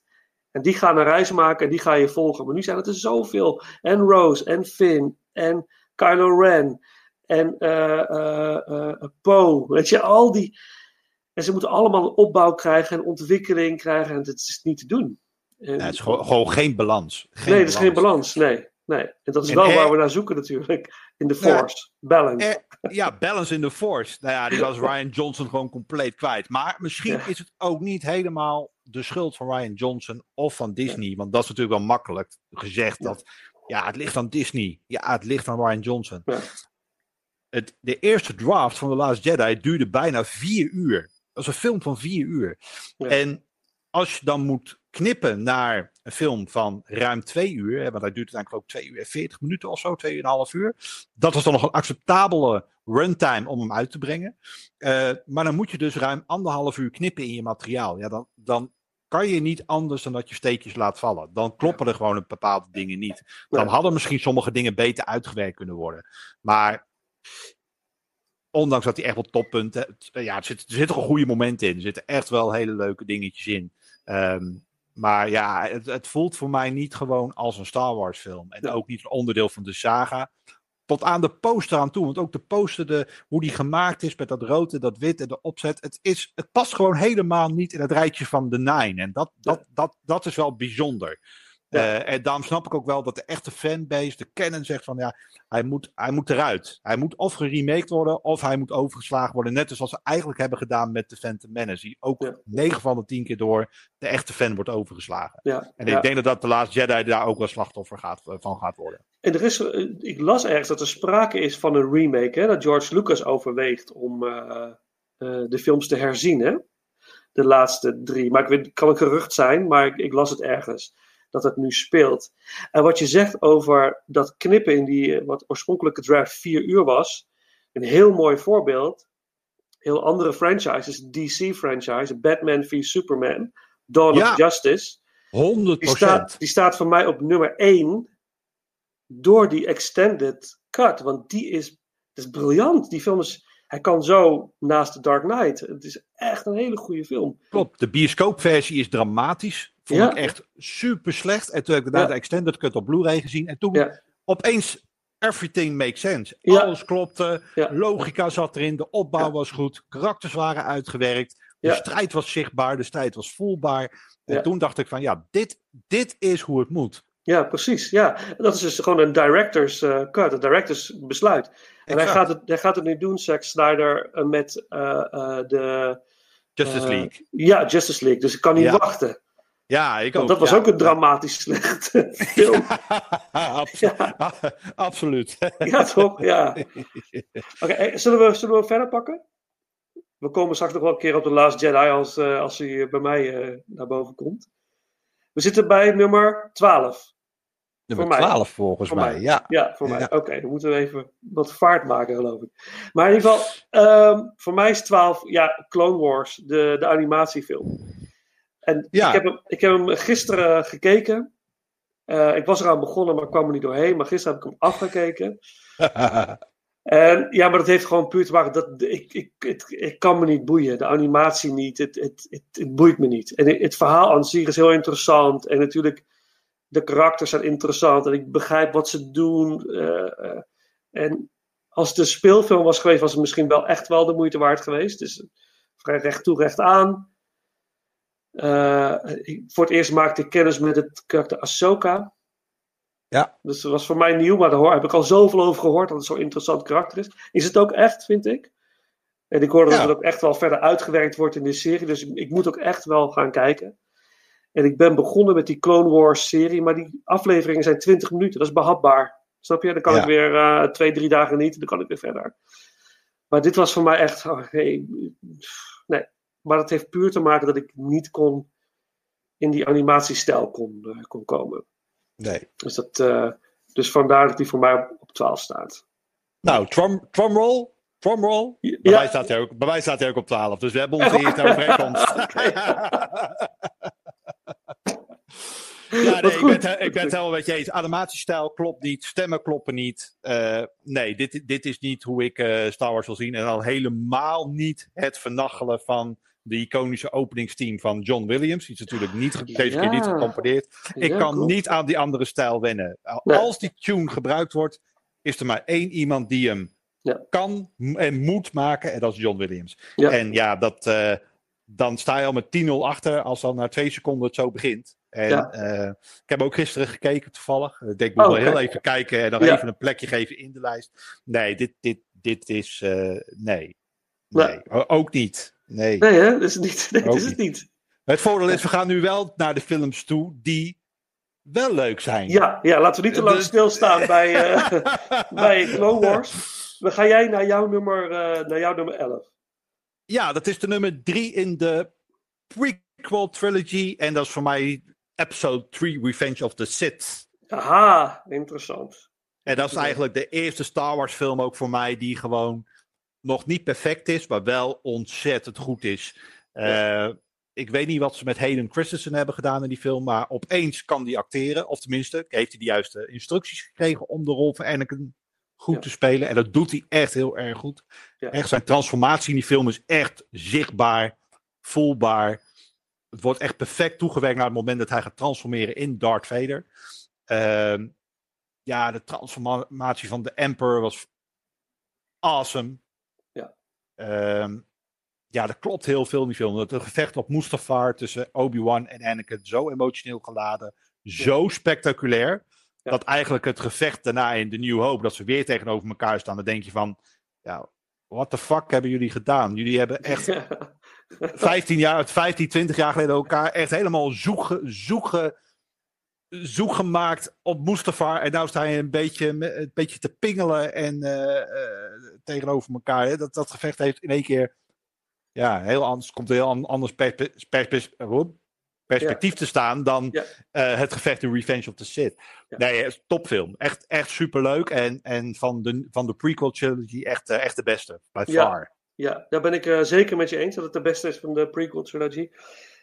Ik, het is ook de film die ik vaak herzie ook. Die ik vaak, hij staat bij ook hoger in het lijstje, zullen we straks ook eh, op- opkomen. Eh, maar ook hier in deze film, ik had hem eigenlijk nog hoger willen ranken dan ik hem heb staan. Dat vond ik al verrassend voor mezelf, maar waarom ik het niet doe, is, er zitten toch weer een aantal, dat is het regieoog, het regisseursoog, wat in deze film gebeurt als er een soort heel heftige dialoog is tussen twee mensen. Bijvoorbeeld ook tussen de Palpatine en Anakin. Als hij hem echt aan het eh, verleiden is om echt die kant te gaan kiezen. Dan is hij aan het opbouwen en is hij aan het opbouwen. En op een gegeven moment heeft hij hem. Maar als ze dat hadden gedaan in een soort stilstand, dat hij hem echt had aangekeken en een soort van had gehypnotiseerd. Maar nu lopen ze rondjes om elkaar heen in de, ka in de woonkamer, of in de woonkamer, in de, in de ruimte waar ze zitten, lopen ze rondjes terwijl ze dat doen. Ja, En dat dan is ook ik- zo, ja. En dan denk ik, nee, dat is echt een hele goedkope theatertruc. Is dat van, in, in het theater ziet dat, ziet dat er best wel mooi uit, dan beweegt het allemaal. Dan, maar in de film is dat, en ze doen het notabene weer als hij, vlak voordat hij de strijd aangaat met Obi-Wan, dan gaat hij, gaat hij weer rondjes lopen. Ik denk, ja, dit is zo'n regiekeuze, het had niet gehoeven. Ga gewoon tegen, tegenover elkaar staan en voel die spanning. En dan, als kijker, voel je mee. En wie gaat de eerste klap uitdelen? Wie gaat het doen? En je dat, en dan net wat het echt, echt een topfilm had gemaakt als hij dat had aangepast. Als hij die dingen had en nog iets verder had durven gaan met Order 66. Net een beetje verder. Ja, ja, tegen dat, ja, Ja, net dat- een beetje die... ja, Ja. ja. dat venijn zit er niet in. En dat Ja. is, eh, ja, dat is wel. eh, Ja, Maar ik vind wel dat, het, dat de transformatie van eigenlijk eh, dat de Old Republic op instorten staat en het keizerrijk ontstaat. ja, heel goed gedaan. Dat vind ik wel weer goed, want je Ja. voelt wel echt van oké, dit is echt de shit, de shit hit the fan. Dat, dat, Ja. dat, voel je nu, dat voel je wel in Revenge of the Sith. En dat vond ik zeker. wel, ja, vond ik wel echt, Ja. Echt En de, ja. en de power match tussen de Emperor en Yoda, ja, ik vond het wel tof. ik vond het wel. Ja, ik- dat, was- dat, was, dat was super gaaf. En op, Ja. op dat moment wist je al dat Yoda wat meer kon dan strompelen Ja. met zijn stokje. Dus eh, dat kwam ook niet echt als een verrassing. En dan was de battle in één keer heel erg vet. Dus eh, Ja. dat was tof. Ja, en de zeker. geweldige scène dat, dat Yoda die, eh, die zaal binnenkomt en die twee Imperial Guards aan de zijkant staan van die deur. En ze willen hem aanvallen. Hij doet in één keer een knip met zijn vingers en ze storten gewoon in. Ja, ja, fantastisch. Ja. Ja, eh, Master, Yoda, Master Yoda is ook gewoon een baas. Ik bedoel, dat is Ja, gewoon ja. echt, eh, weet je wel, eh, zwaar underrated. Wat natuurlijk gewoon een ukkie is, maar gewoon echt de, de most powerful Jedi die, de, hè, die er dan is. Ja, Ja, gewoon. ja. Ja. Ik, vind het, eh, ik vind vooral dat moment dat inderdaad, dat ze dan die, eh, die, die vergaderzaal, ja, hoe moet je het noemen, hè? die zaal Ja. van het Senaat, waar al die. Waar al die. eh, eh, eh, Een soort Tweede Kamer. ja, een soort Tweede Kamer binnenkomen. En dan zie je op de duur dat dan de console van de Chancellor in het midden omhoog komt. En je ziet dan, de, oh, dan zie je een afstandsshot waarin de Emperor en Yoda met elkaar vechten met de lightsabers. Ja. En dan zie je dus in die, ja, in die vrij donkere ruimte zie je dan twee van die lightsabers oplichten in het midden terwijl dat ding omhoog schiet. Ja, Ja. dat vind ik een fucking briljante shot. Dat is Ja, echt ja, super gaaf. Ja, dat is kippenvel. Dat is echt kippenvel. Te gek, hè? Ja, het is echt een te gekke film. Maar ook de hele film. Eh, de opening is al gelijk fantastisch, dramatisch geladen. Ja, de muziek zeker. en de. Ja. En natuurlijk R2D2, die even helemaal als held wordt neergezet. Die, die saved the day. eh, eh, de, aan het begin als ze Count Dooku, eh, of, of de Palpatine moeten bevrijden van Count Dooku. Ja, Dus je, dat ja, begin, die openingsscène. Ja, en Echt R2 tof. is daar echt, eh, krijgt echt zijn moment daar. Ja, en General Grievous. Alles is gewoon heel leuk om naar te kijken. Het is een heel, echt, heel onderhoudende film. Overigens was Nice. ook de, op, de openingsscène van eh, Revenge of the Sith duurde ook meer dan een uur. De Rescue of eh, Palpatine zou oorspronkelijk in het originele plan meer dan een uur duren. Alleen dan zou de film weer te lang worden. Dus ze hebben uiteindelijk eh, de scène zwaar ingekort om, om een normale speelduur te kunnen halen. Maar Oh, hij, zou, hij zou spectaculairder zijn geweest. Dat was wel de planning, ja. Maar Oh. niettemin, dit was al awesome. Dit was al Ja, al fantastisch. prima. Ja, ja, zeker. ja, absoluut. En wist jij dat, dat eh Ewan McGregor mogelijk in een van die Imperial Guards eh, zit? Hij had de wens Ja, dat is het gerucht inderdaad. Gerucht, ja, ja. ja. Ja, ja, ja, Niemand heeft, heeft kunnen bevestigen of hij het ook echt gedaan heeft. Hè? Terwijl bijvoorbeeld wel bevestigd is dat inderdaad Daniel Craig uiteindelijk in de Force Awakens echt een Ja. Stormtrooper heeft gespeeld. Ja, Het is, het is, blijkbaar is het die Stormtrooper die Ray uiteindelijk hypnotiseert dat hij haar moet bevrijden en dat hij zijn gun weggooit. En dan verraadt hij zichzelf een beetje, want de wijze waarop hij zijn gun weggooit, dat is dezelfde wijze waarop James Bond af en toe slaat. ja, ja. Dus dat, dat, dat verraadt hem dan een beetje. Eh, maar voor Ewan McGregor is het nooit bevestigd. Dat hij inderdaad. eh, maar het was wel zijn wens inderdaad om zo'n eh, Imperial Guard Ja. te spelen. Ja, Ja, klopt. ja. Ja. Ja, ja, Ik ga er gewoon vanuit dat hij het heeft gedaan. Ik denk het ook wel. Ja, Vast ik denk het wel. Hij- ja. En als het niet gefilmd is, heeft hij ongetwijfeld een keer bij de wardrobes heeft hij dat kostuum aangetrokken. 100%. Kan niet anders. Even kijken, we zijn bij nummer 11. Voor jouw nummer 11 is eh, Revenge of the Sith. Dus net Ja. niet de top 10. En mijn nummer 11 is Phantom Menace. Hij staat voor mij net een fractie hoger dan. Een fractie lager dan Attack of the Clones. Omdat ik Attack of the Clones eh, qua film gewoon iets interessanter vind om naar te kijken. Omdat ik bij de Phantom Menace te vaak denk van, ach, stop, stop. Met de Jar Jar Binks en, en, en die figuur op die planeet die dan nog gaat vechten met... Ach, echt, toen dacht ik, dat hoeft allemaal niet. Weet je, een soort Battle for Endor opnieuw. Dat Ja. idee kreeg ik een beetje, daar werd ik zo moe van. En de enige highlights is- voor mij zijn inderdaad het gevecht met Darth Maul. Dit is, dat, is- dat is echt briljant. Ja, Duel of the Fates, het nummer. Dat werd ook als eh, single uitgebracht, hè? Klopt, ja. Ja, Ja, want dat was ook in de tijden dat MTV nog bestond. eh, in, de, in de hoedanigheid dat het toen bestond. Ja. Hè? Nu is het tegenwoordig een reality show eh, Ja. zender. Ja. Eh, toen waren het gewoon music clips. En hij kwam continu voorbij. De, gewoon de videoclip met het nummer van John Williams, Duel of the Fates. ja, Ik heb Ja. hem ook, ik ben vorig jaar bij Star Wars in concert geweest. In het concertgebouw heb ik hem ook live horen spelen door het, eh, door het orkest.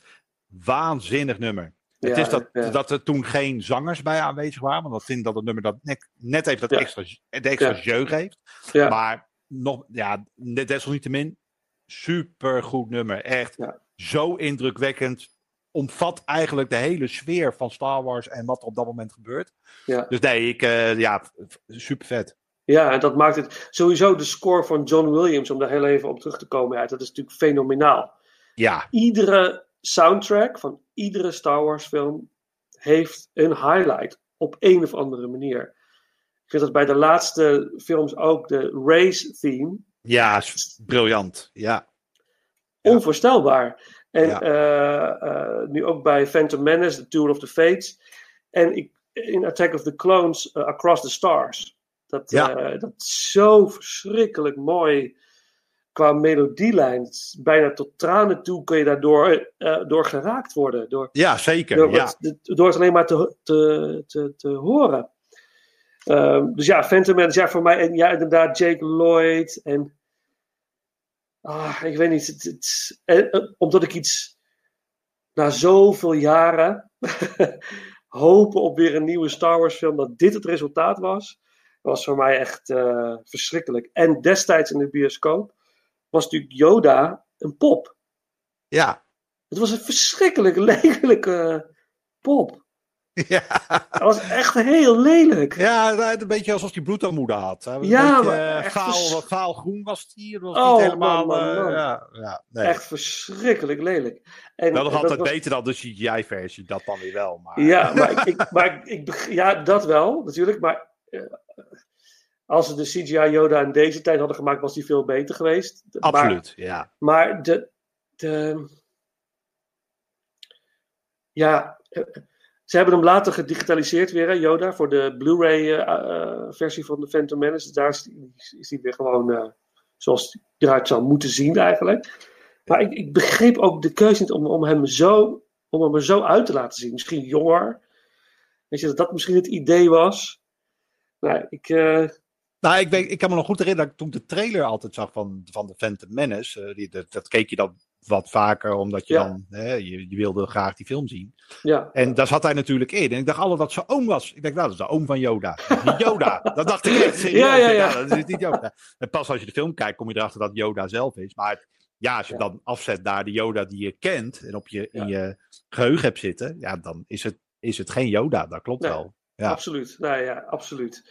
En, en natuurlijk dat, dat eh, bijvoorbeeld een, een Liam Neeson heeft, ge- heeft gezegd ja zonder het script te lezen. Eh, Natalie Portman heeft spijt van dat ze ooit aan de film heeft gewerkt. Het Ja. is echt, het is echt een beetje. eh, deze film zouden ze moeten remaken, eigenlijk. Zouden ze moeten remaken. Ja. Dat zou, dat zou eigenlijk moeten. Dat zou. eh, ja, maar goed, voor mij nummer 11. Oké, nu naar de legendarische top 10. Ja. Wat is voor jou Ja. nummer 10? Ja, ik, ik zit even te kijken ehm, naar mijn rankinglijstje. Ja, dan gaan we toch even afwijken van de Skywalker saga. Ehm, Solo. A Star. Wars Story. Zet ik, eh, zet ik op 10. Ja. Ehm, eigenlijk tegen alle verwachtingen, maar ik vond de film super vermakelijk. Echt ontzettend gaaf. En ehm, hij is echt geflopt. Waan keihard geflopt zelfs. Echt eh, niet, niet, niet alleen financieel, maar ook echt heel erg bekritiseerd door fans, heel erg eh, door, door, door, door critici. En eh, naar mijn mening zeer onterecht, ondanks dat je natuurlijk Harrison Ford mist. Absoluut. Hè? Harrison Ford is Han Solo. Ja. Maar wel de wijze waarop die in beeld is gebracht, die film. Het verhaal wordt verteld over hoe Solo is ontstaan. Hoe die aan zijn naam is gekomen, hoe die Chewbacca heeft ontmoet. Hoe die aan de Millennium Falcon is gekomen.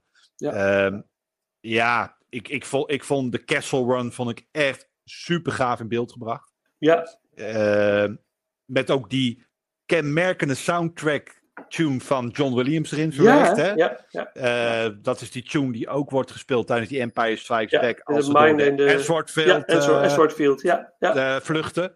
Ja. Ehm, awesome. Echt een aantal keren kippenvel gehad. Super vermakelijk. Korte cameo voor Darth Maul. Ja. Super leuke verrassing. Ja. Ik vond hem echt top. Ja, eh, Ja. Bij mij gewoon, het staat bij mij gewoon in de top 10. Echt, eh, echt, eh, echt een goede Star Wars film. Ja, Zeker. ja, ik ben het 100% eh, eh, met je eens. Bij mij zit je nog iets hoger dan 10. Ik vind, eh, ik was ook blij verrast door Solo. Echt blij verrast.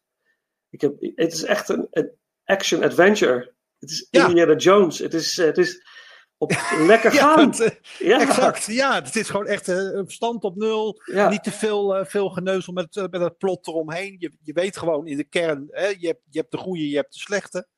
En ja, Solo zit daar tussenin en is, is, is een plek in de galaxy aan het Ja. vinden. En, en ontmoet op die manier bijzondere, bijzondere wezens. Uiteindelijk zijn maatjes, de stuurman eh, Ja. Chewbacca. Ja. Ja, gewoon echt een leuke tussendoorfilm om, ja, echt om in de Star Wars vibe te krijgen, maar niet zozeer in de Star Wars saga meegetrokken te worden. Nee, dus dat nee, eh, vond- echt top. Ja, vond ik ook, vond ik ook.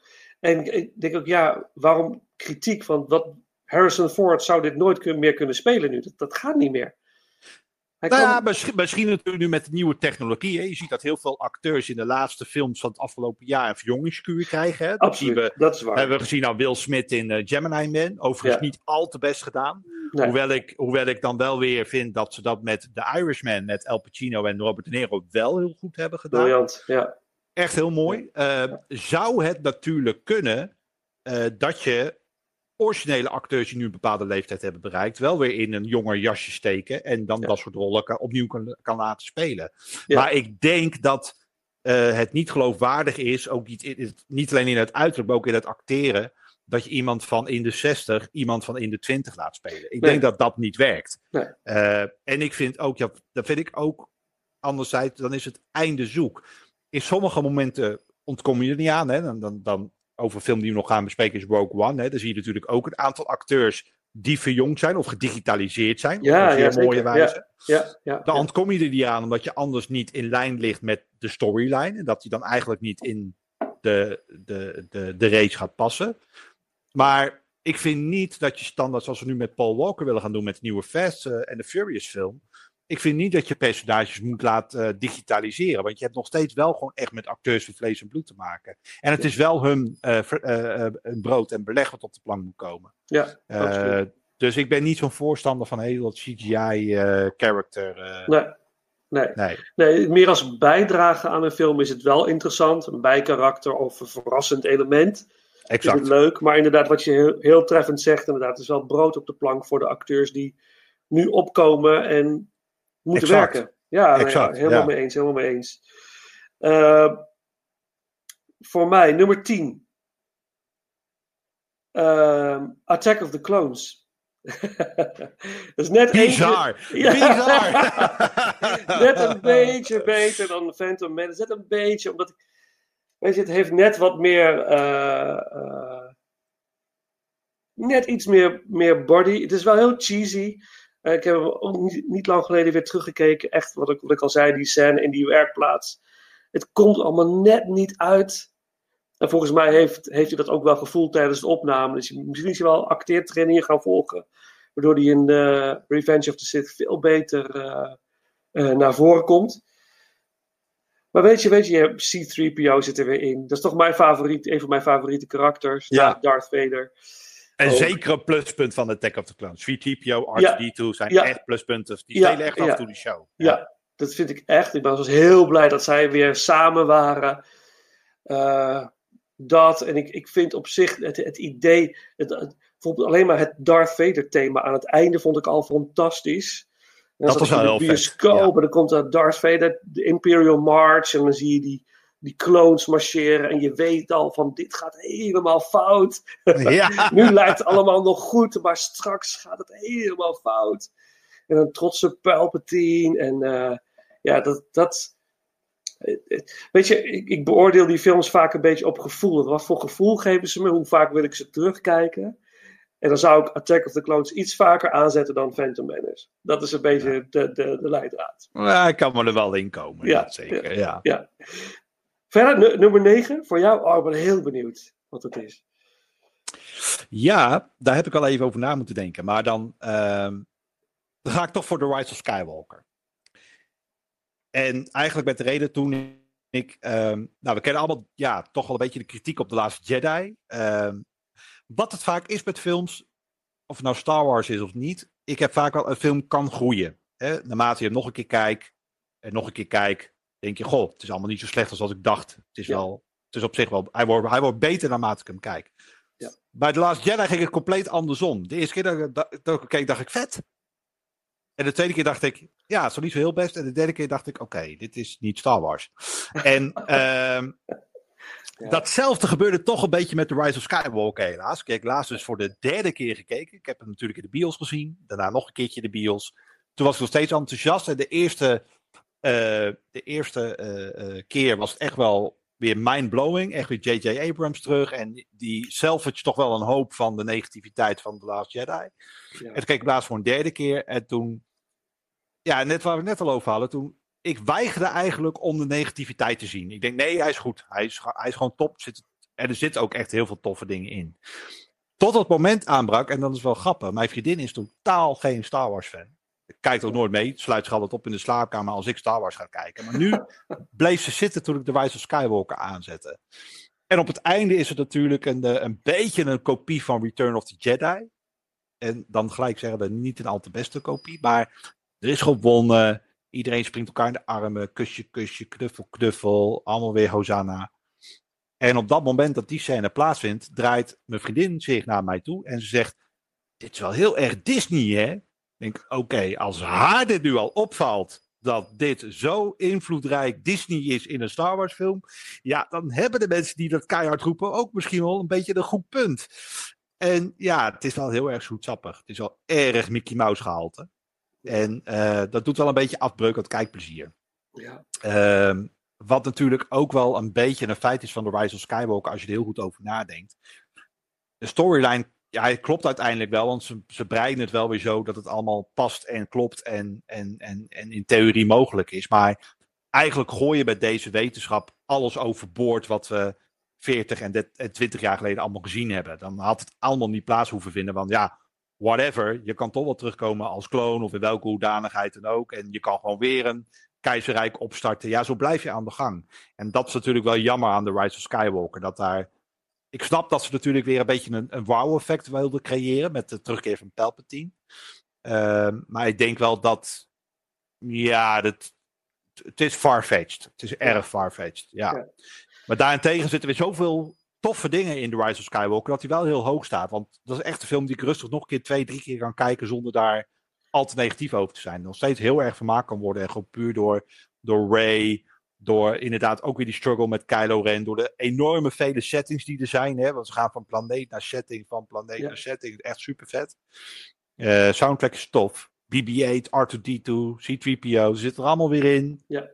Ja. Geen rare fratsen met Rose, geen rare fratsen met eh, Leia die voor Superman speelt. Dus nee, dat, dat, dat maakt eh, Rise of Skywalker wel echt, echt een tof Star Wars film. Ja. Ja, En een waardig einde voor Lea, vond ik ook wel in deze film. Dat is mooi gedaan. Ja. J.J. Abrams snapt het wel en weet hoe hij een char- character gewoon Ja. netjes aan het einde moet laten komen. Ja, En, toch? eh, ja. ja, Ja. Waardig, waardig afscheid voor eh, heel respectvol ook naar, eh, naar de actrice toe die, eh, die Ja. haar gespeeld heeft. Ja. Ja, top. Ja, echt. Ja, bij mij staat hij ook staat hij iets hoger. Ja, ik, ik heb hetzelfde ervaren als dat jij hebt ervaren. Dat ik in de bioscoop dacht ik, wauw, dit is echt fantastisch. Maar er gebeurt zoveel in die film dat je gewoon wordt weggeblazen. Je wordt weggeblazen door de hoeveelheid en door, de, door het visuele spektakel en de, de muziek. En oh, wat, nog steeds vond ik de tweede keer trouwens ook mega indrukwekkend. Al die Sith Lords op die tribune eh, in, die, in die ruimte met eh, de Emperor. ja. Dat vond ik echt zo wauw. Maar ik zit nog steeds, misschien kun jij me hier uit dit van dit probleem afhelpen, maar ik denk van, kleindochter van Palpatine, hoe zit dit? Hoe zit dit? Wat is het verhaal? Ik, ik, het is, ik krijg een beetje informatie, maar ik weet verder niks. Moet ik daarvoor boeken gaan lezen? Moet ik. ja ik, heb ook echt, ik heb ook geen idee. Ik weet echt niet waar het vandaan komt. Ik, er is nog nooit een woord over gerept. Zover ik weet, in de films in ieder geval heeft Palpatine geen vrouw. Dus in- hoe kan je dan ook kleinkinderen krijgen en dat soort dingen nog meer? Ja, ik, ik weet het echt niet. En. Er klopt wel meer niet in het verhaal, want dat is wel lachen. Want op de duur heb je dan, eh, nou ja, Kylo Ren is dan de nieuwe Supreme Leader. Snoke is natuurlijk weg. En dan heb je eh, bij de First Order heb je dan nog zo'n High Commander, die dan eigenlijk een beetje de First Order aanstuurt in opdracht van de Sup- Supreme Leader. Ja, Ehm, maar de First Order is een hele vloot. Net zoals dat eigenlijk het keizerrijk was geweest. Met, met, met duizenden stormtroopers en TIE fighters en noem het allemaal maar op. Ja. En uh, nou, dan wordt natuurlijk die Ghost Fleet wordt in het leven geroepen. Hè? Want Palpatine die, die laat dat uh, op die planeet laat hij dat uh, weer tot leven komen. En die schepen gaan de lucht in. En dan op de duur sluit die commander van de First Order sluit zich aan met een van de Star Destroyers van de First Order bij de, flow, bij de fleet van uh, de, de, new, de, de New Order, hè, zoals ja. Palpatine dat dan zegt. En daar winnen ze dan van. Maar dan denk ik aan het einde, ja oké, okay, nu hebben jullie die, die Ghost Ships en die commando wel verslagen. Maar er zweven ergens nog honderden Star Destroyers en duizenden Stormtroopers. En waar zijn die dan gebleven in het Ja. verhaal? Ja, En ja. is die strijd wel gewonnen? En ja, dat is natuurlijk wel, dat is wel een flaw. Dat is wel echt, echt een gap in het verhaal dat ik zeg, ja, kom aan, dat je een opstapje wil hebben naar eventueel een nieuwe trilogie, prima. Maar ja, niet, eh, niet denken Ja. de strijd is al gewonnen terwijl je eigenlijk nog niemand verslagen hebt. Dat is toch Maar wel een beetje raar. Zou dat zo zijn? Zou, dat, zou er inderdaad een- van hieruit een nieuwe trilogie worden opgebouwd? Dat vraag ik me dan af. Want wat ik zo mooi vond aan het einde van The Last Jedi, dat vond ik echt heel tof, is dat, dat jongetje met die bezem, en die dan net naar de sterren kijkt. Van Heel daar- tof einde. Ja, Ja, heel daar, tof ligt, einde. daar ligt mijn doel. Weet je, als Luke Skywalker op Tatooine, weet Ja. je wel, en The New Hope. Dat was een beetje een verwijzing daarna. En denk ik van, zou, daar dan, zou dit dan de nieuwe held zijn? Hè? Dit jongetje voor de nieuwe Ja. trilogie. Weet je wel, dus dan zou je denken, misschien gaat hij de First Order weer aanpakken. Gaan die hergroeperen of... Dat zou kunnen, Ja. maar inderdaad, het is een flaw wat betreft deze film, ja. ja. Ja. Nou, er wordt ook aan het einde van de Rise of Skywalker, eh, tijdens dat feestje wat ze dan vieren bij de, de Rebel Base, dat ze dan gewonnen hebben, eh, gaat ook Lendo, die is daar ook, Lendo Calrissian, Ja. die gaat er in gesprek met dat, ja, ik ken haar naam, qua karakter vond ik niet heel interessant, maar Nee, die op die Dat ponies gaat met- ja, die, dat, dat Ja. meisje die dan een Ja. stormtrooper is geweest en nu dan ook zich heeft aangesloten bij de Ja. rebellen, daar praat Ja. hij dan mee. Ja. En dan eh, vraagt hij ook aan haar van, eh, oké, eh, wie ben jij en waar kom je vandaan? En dan zegt ze, ik weet het niet. En dan zegt hij, let's find out. En dat is natuurlijk ook wel een hint naar misschien een nieuw avontuur, waarin misschien hè, dat draait om dat meisje.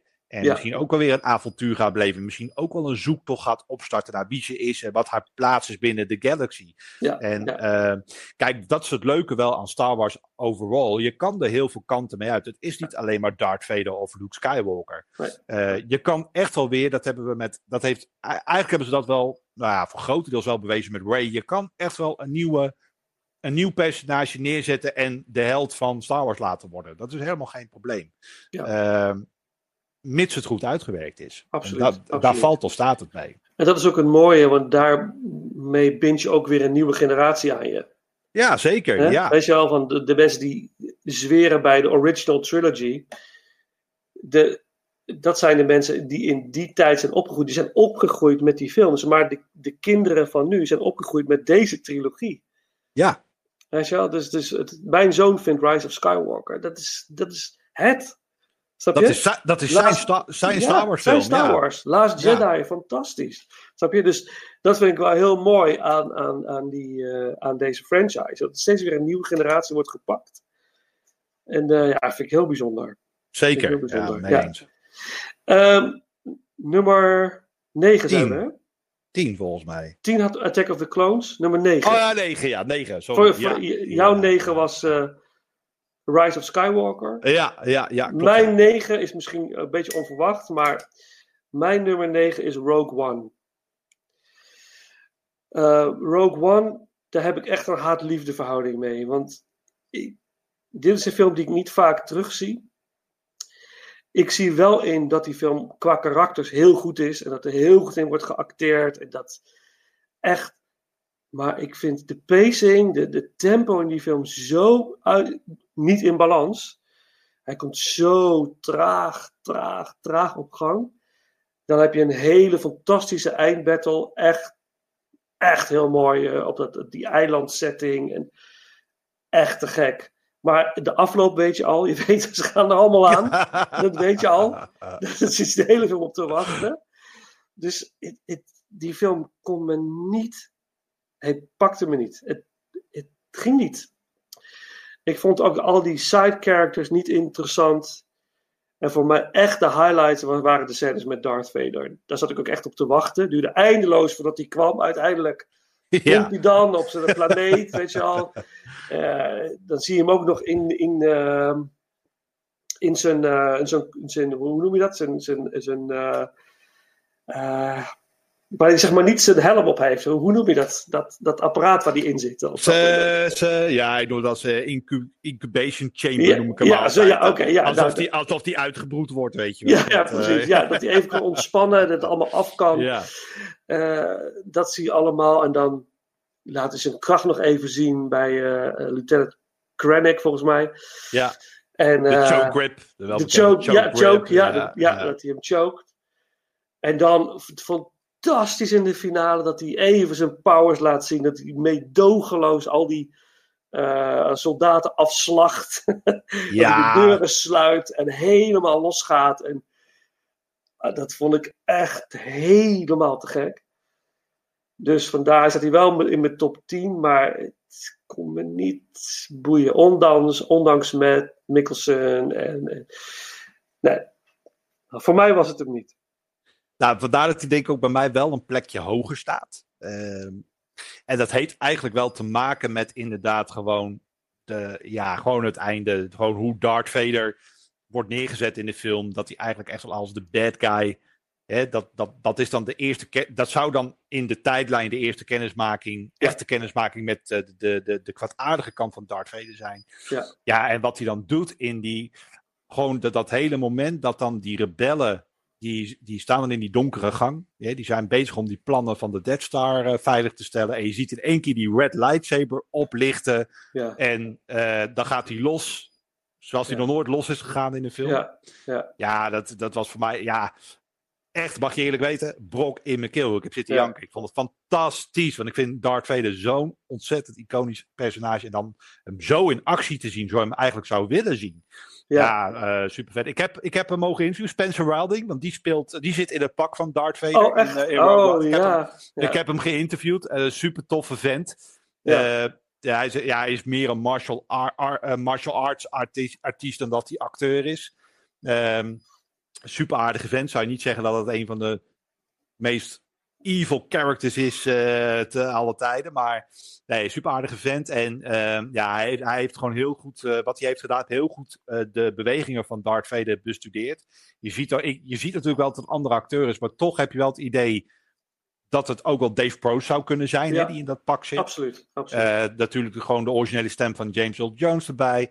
Ja. Eh, personage klopt. En dat maakt Rogue One wel voor mij echt de moeite waard. Ik denk alleen wat jij al terecht zegt, ze hadden hem anders moeten indelen. Ja. Want het uitwerken van de personages die je eigenlijk net zo makkelijk weer afscheid van neemt in het- aan het einde van de film, heeft niet zoveel tijd nodig. Nee. Hè, dus die had je best wel wat korter kunnen introduceren.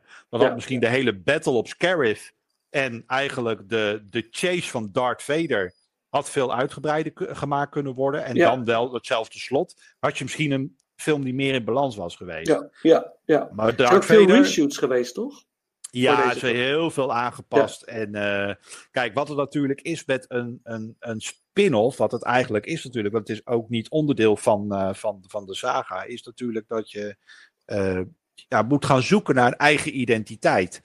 En Ja. ondanks dat het Star Wars is, ondanks dat je weet welke kant je op wil, je moet toch gaan zoeken naar van, oké, we moeten een eigen identiteit bij deze film gaan creëren. Ja, en dan ga je toch manieren zoeken van hoe kan je dat het beste doen. Ja. En ja, misschien dat ze daar niet de beste keuzes in hebben gemaakt door bepaalde personages meer aandacht te geven dan anderen. Ehm, ik vond ook inderdaad heel veel side characters niet interessant. Wat dan wel grappig is, is dat ehm, zoals die Saul Guerrera, die dan gespeeld wordt door eh Forrest Whitaker, Mhm, mhm. eh, is wel een personage wat nu dus terugkeert in de videogames. Waarvan Fallen Order de eerste is die nu in november is uitgebracht. En dat wordt waarschijnlijk een hele franchise. Die Oh, veel kijk. meer in lijn ligt met, ehm, eh, met, met de Skywalker saga. En wat zich eigenlijk tussentijds en daarnaast heeft afgespeeld. En dan snap ik het misschien wel dat ze eigenlijk als opstapje met die film die personages wel hebben geïntroduceerd. Want die gaan misschien nog een rol van betekenis spelen in die game franchise. Aha, aha. En ja. dat hebben ze ook gedaan bijvoorbeeld met, eh, met The Matrix. Want Enter the Matrix was toen ook een videogame die ze gemaakt hebben. Ja. Die eigenlijk heel veel aanvulling gaf over de gebeurtenissen die zich afspeelden tijdens Matrix Reloaded, tussen Matrix Reloaded en Matrix Revolutions in. Ja, Dus ja. misschien snap ik het dan ergens wel, maar dat moet de toekomst nog eh, ja. uitwijzen of dat zo is. Ah, interessant. Dat, eh, dat wist ik inderdaad niet. Ja, en, ja. Nou, voor mij, ik vond de soundtrack wel interessant wat ze ermee hadden gedaan. Toch een beetje het John Williams gevoel had het heel erg. Dus niet John Williams natuurlijk, maar ze hadden wel, eh, en volgens mij moest de, de composer ook, volgens mij heeft hij in, heeft hij in vier weken de soundtrack gecomponeerd. Er was volgens eerst een andere componist.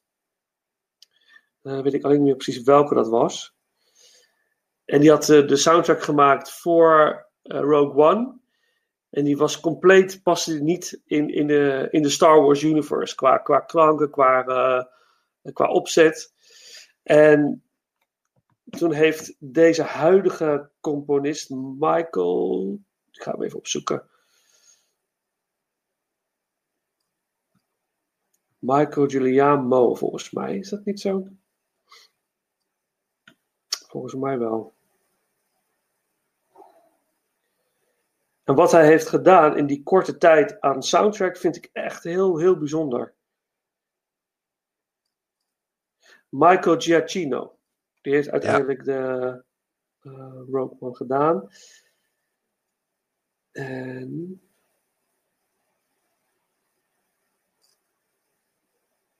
Oh ja, Alexandre Desplat. Ja, die zou eerst uh, de, de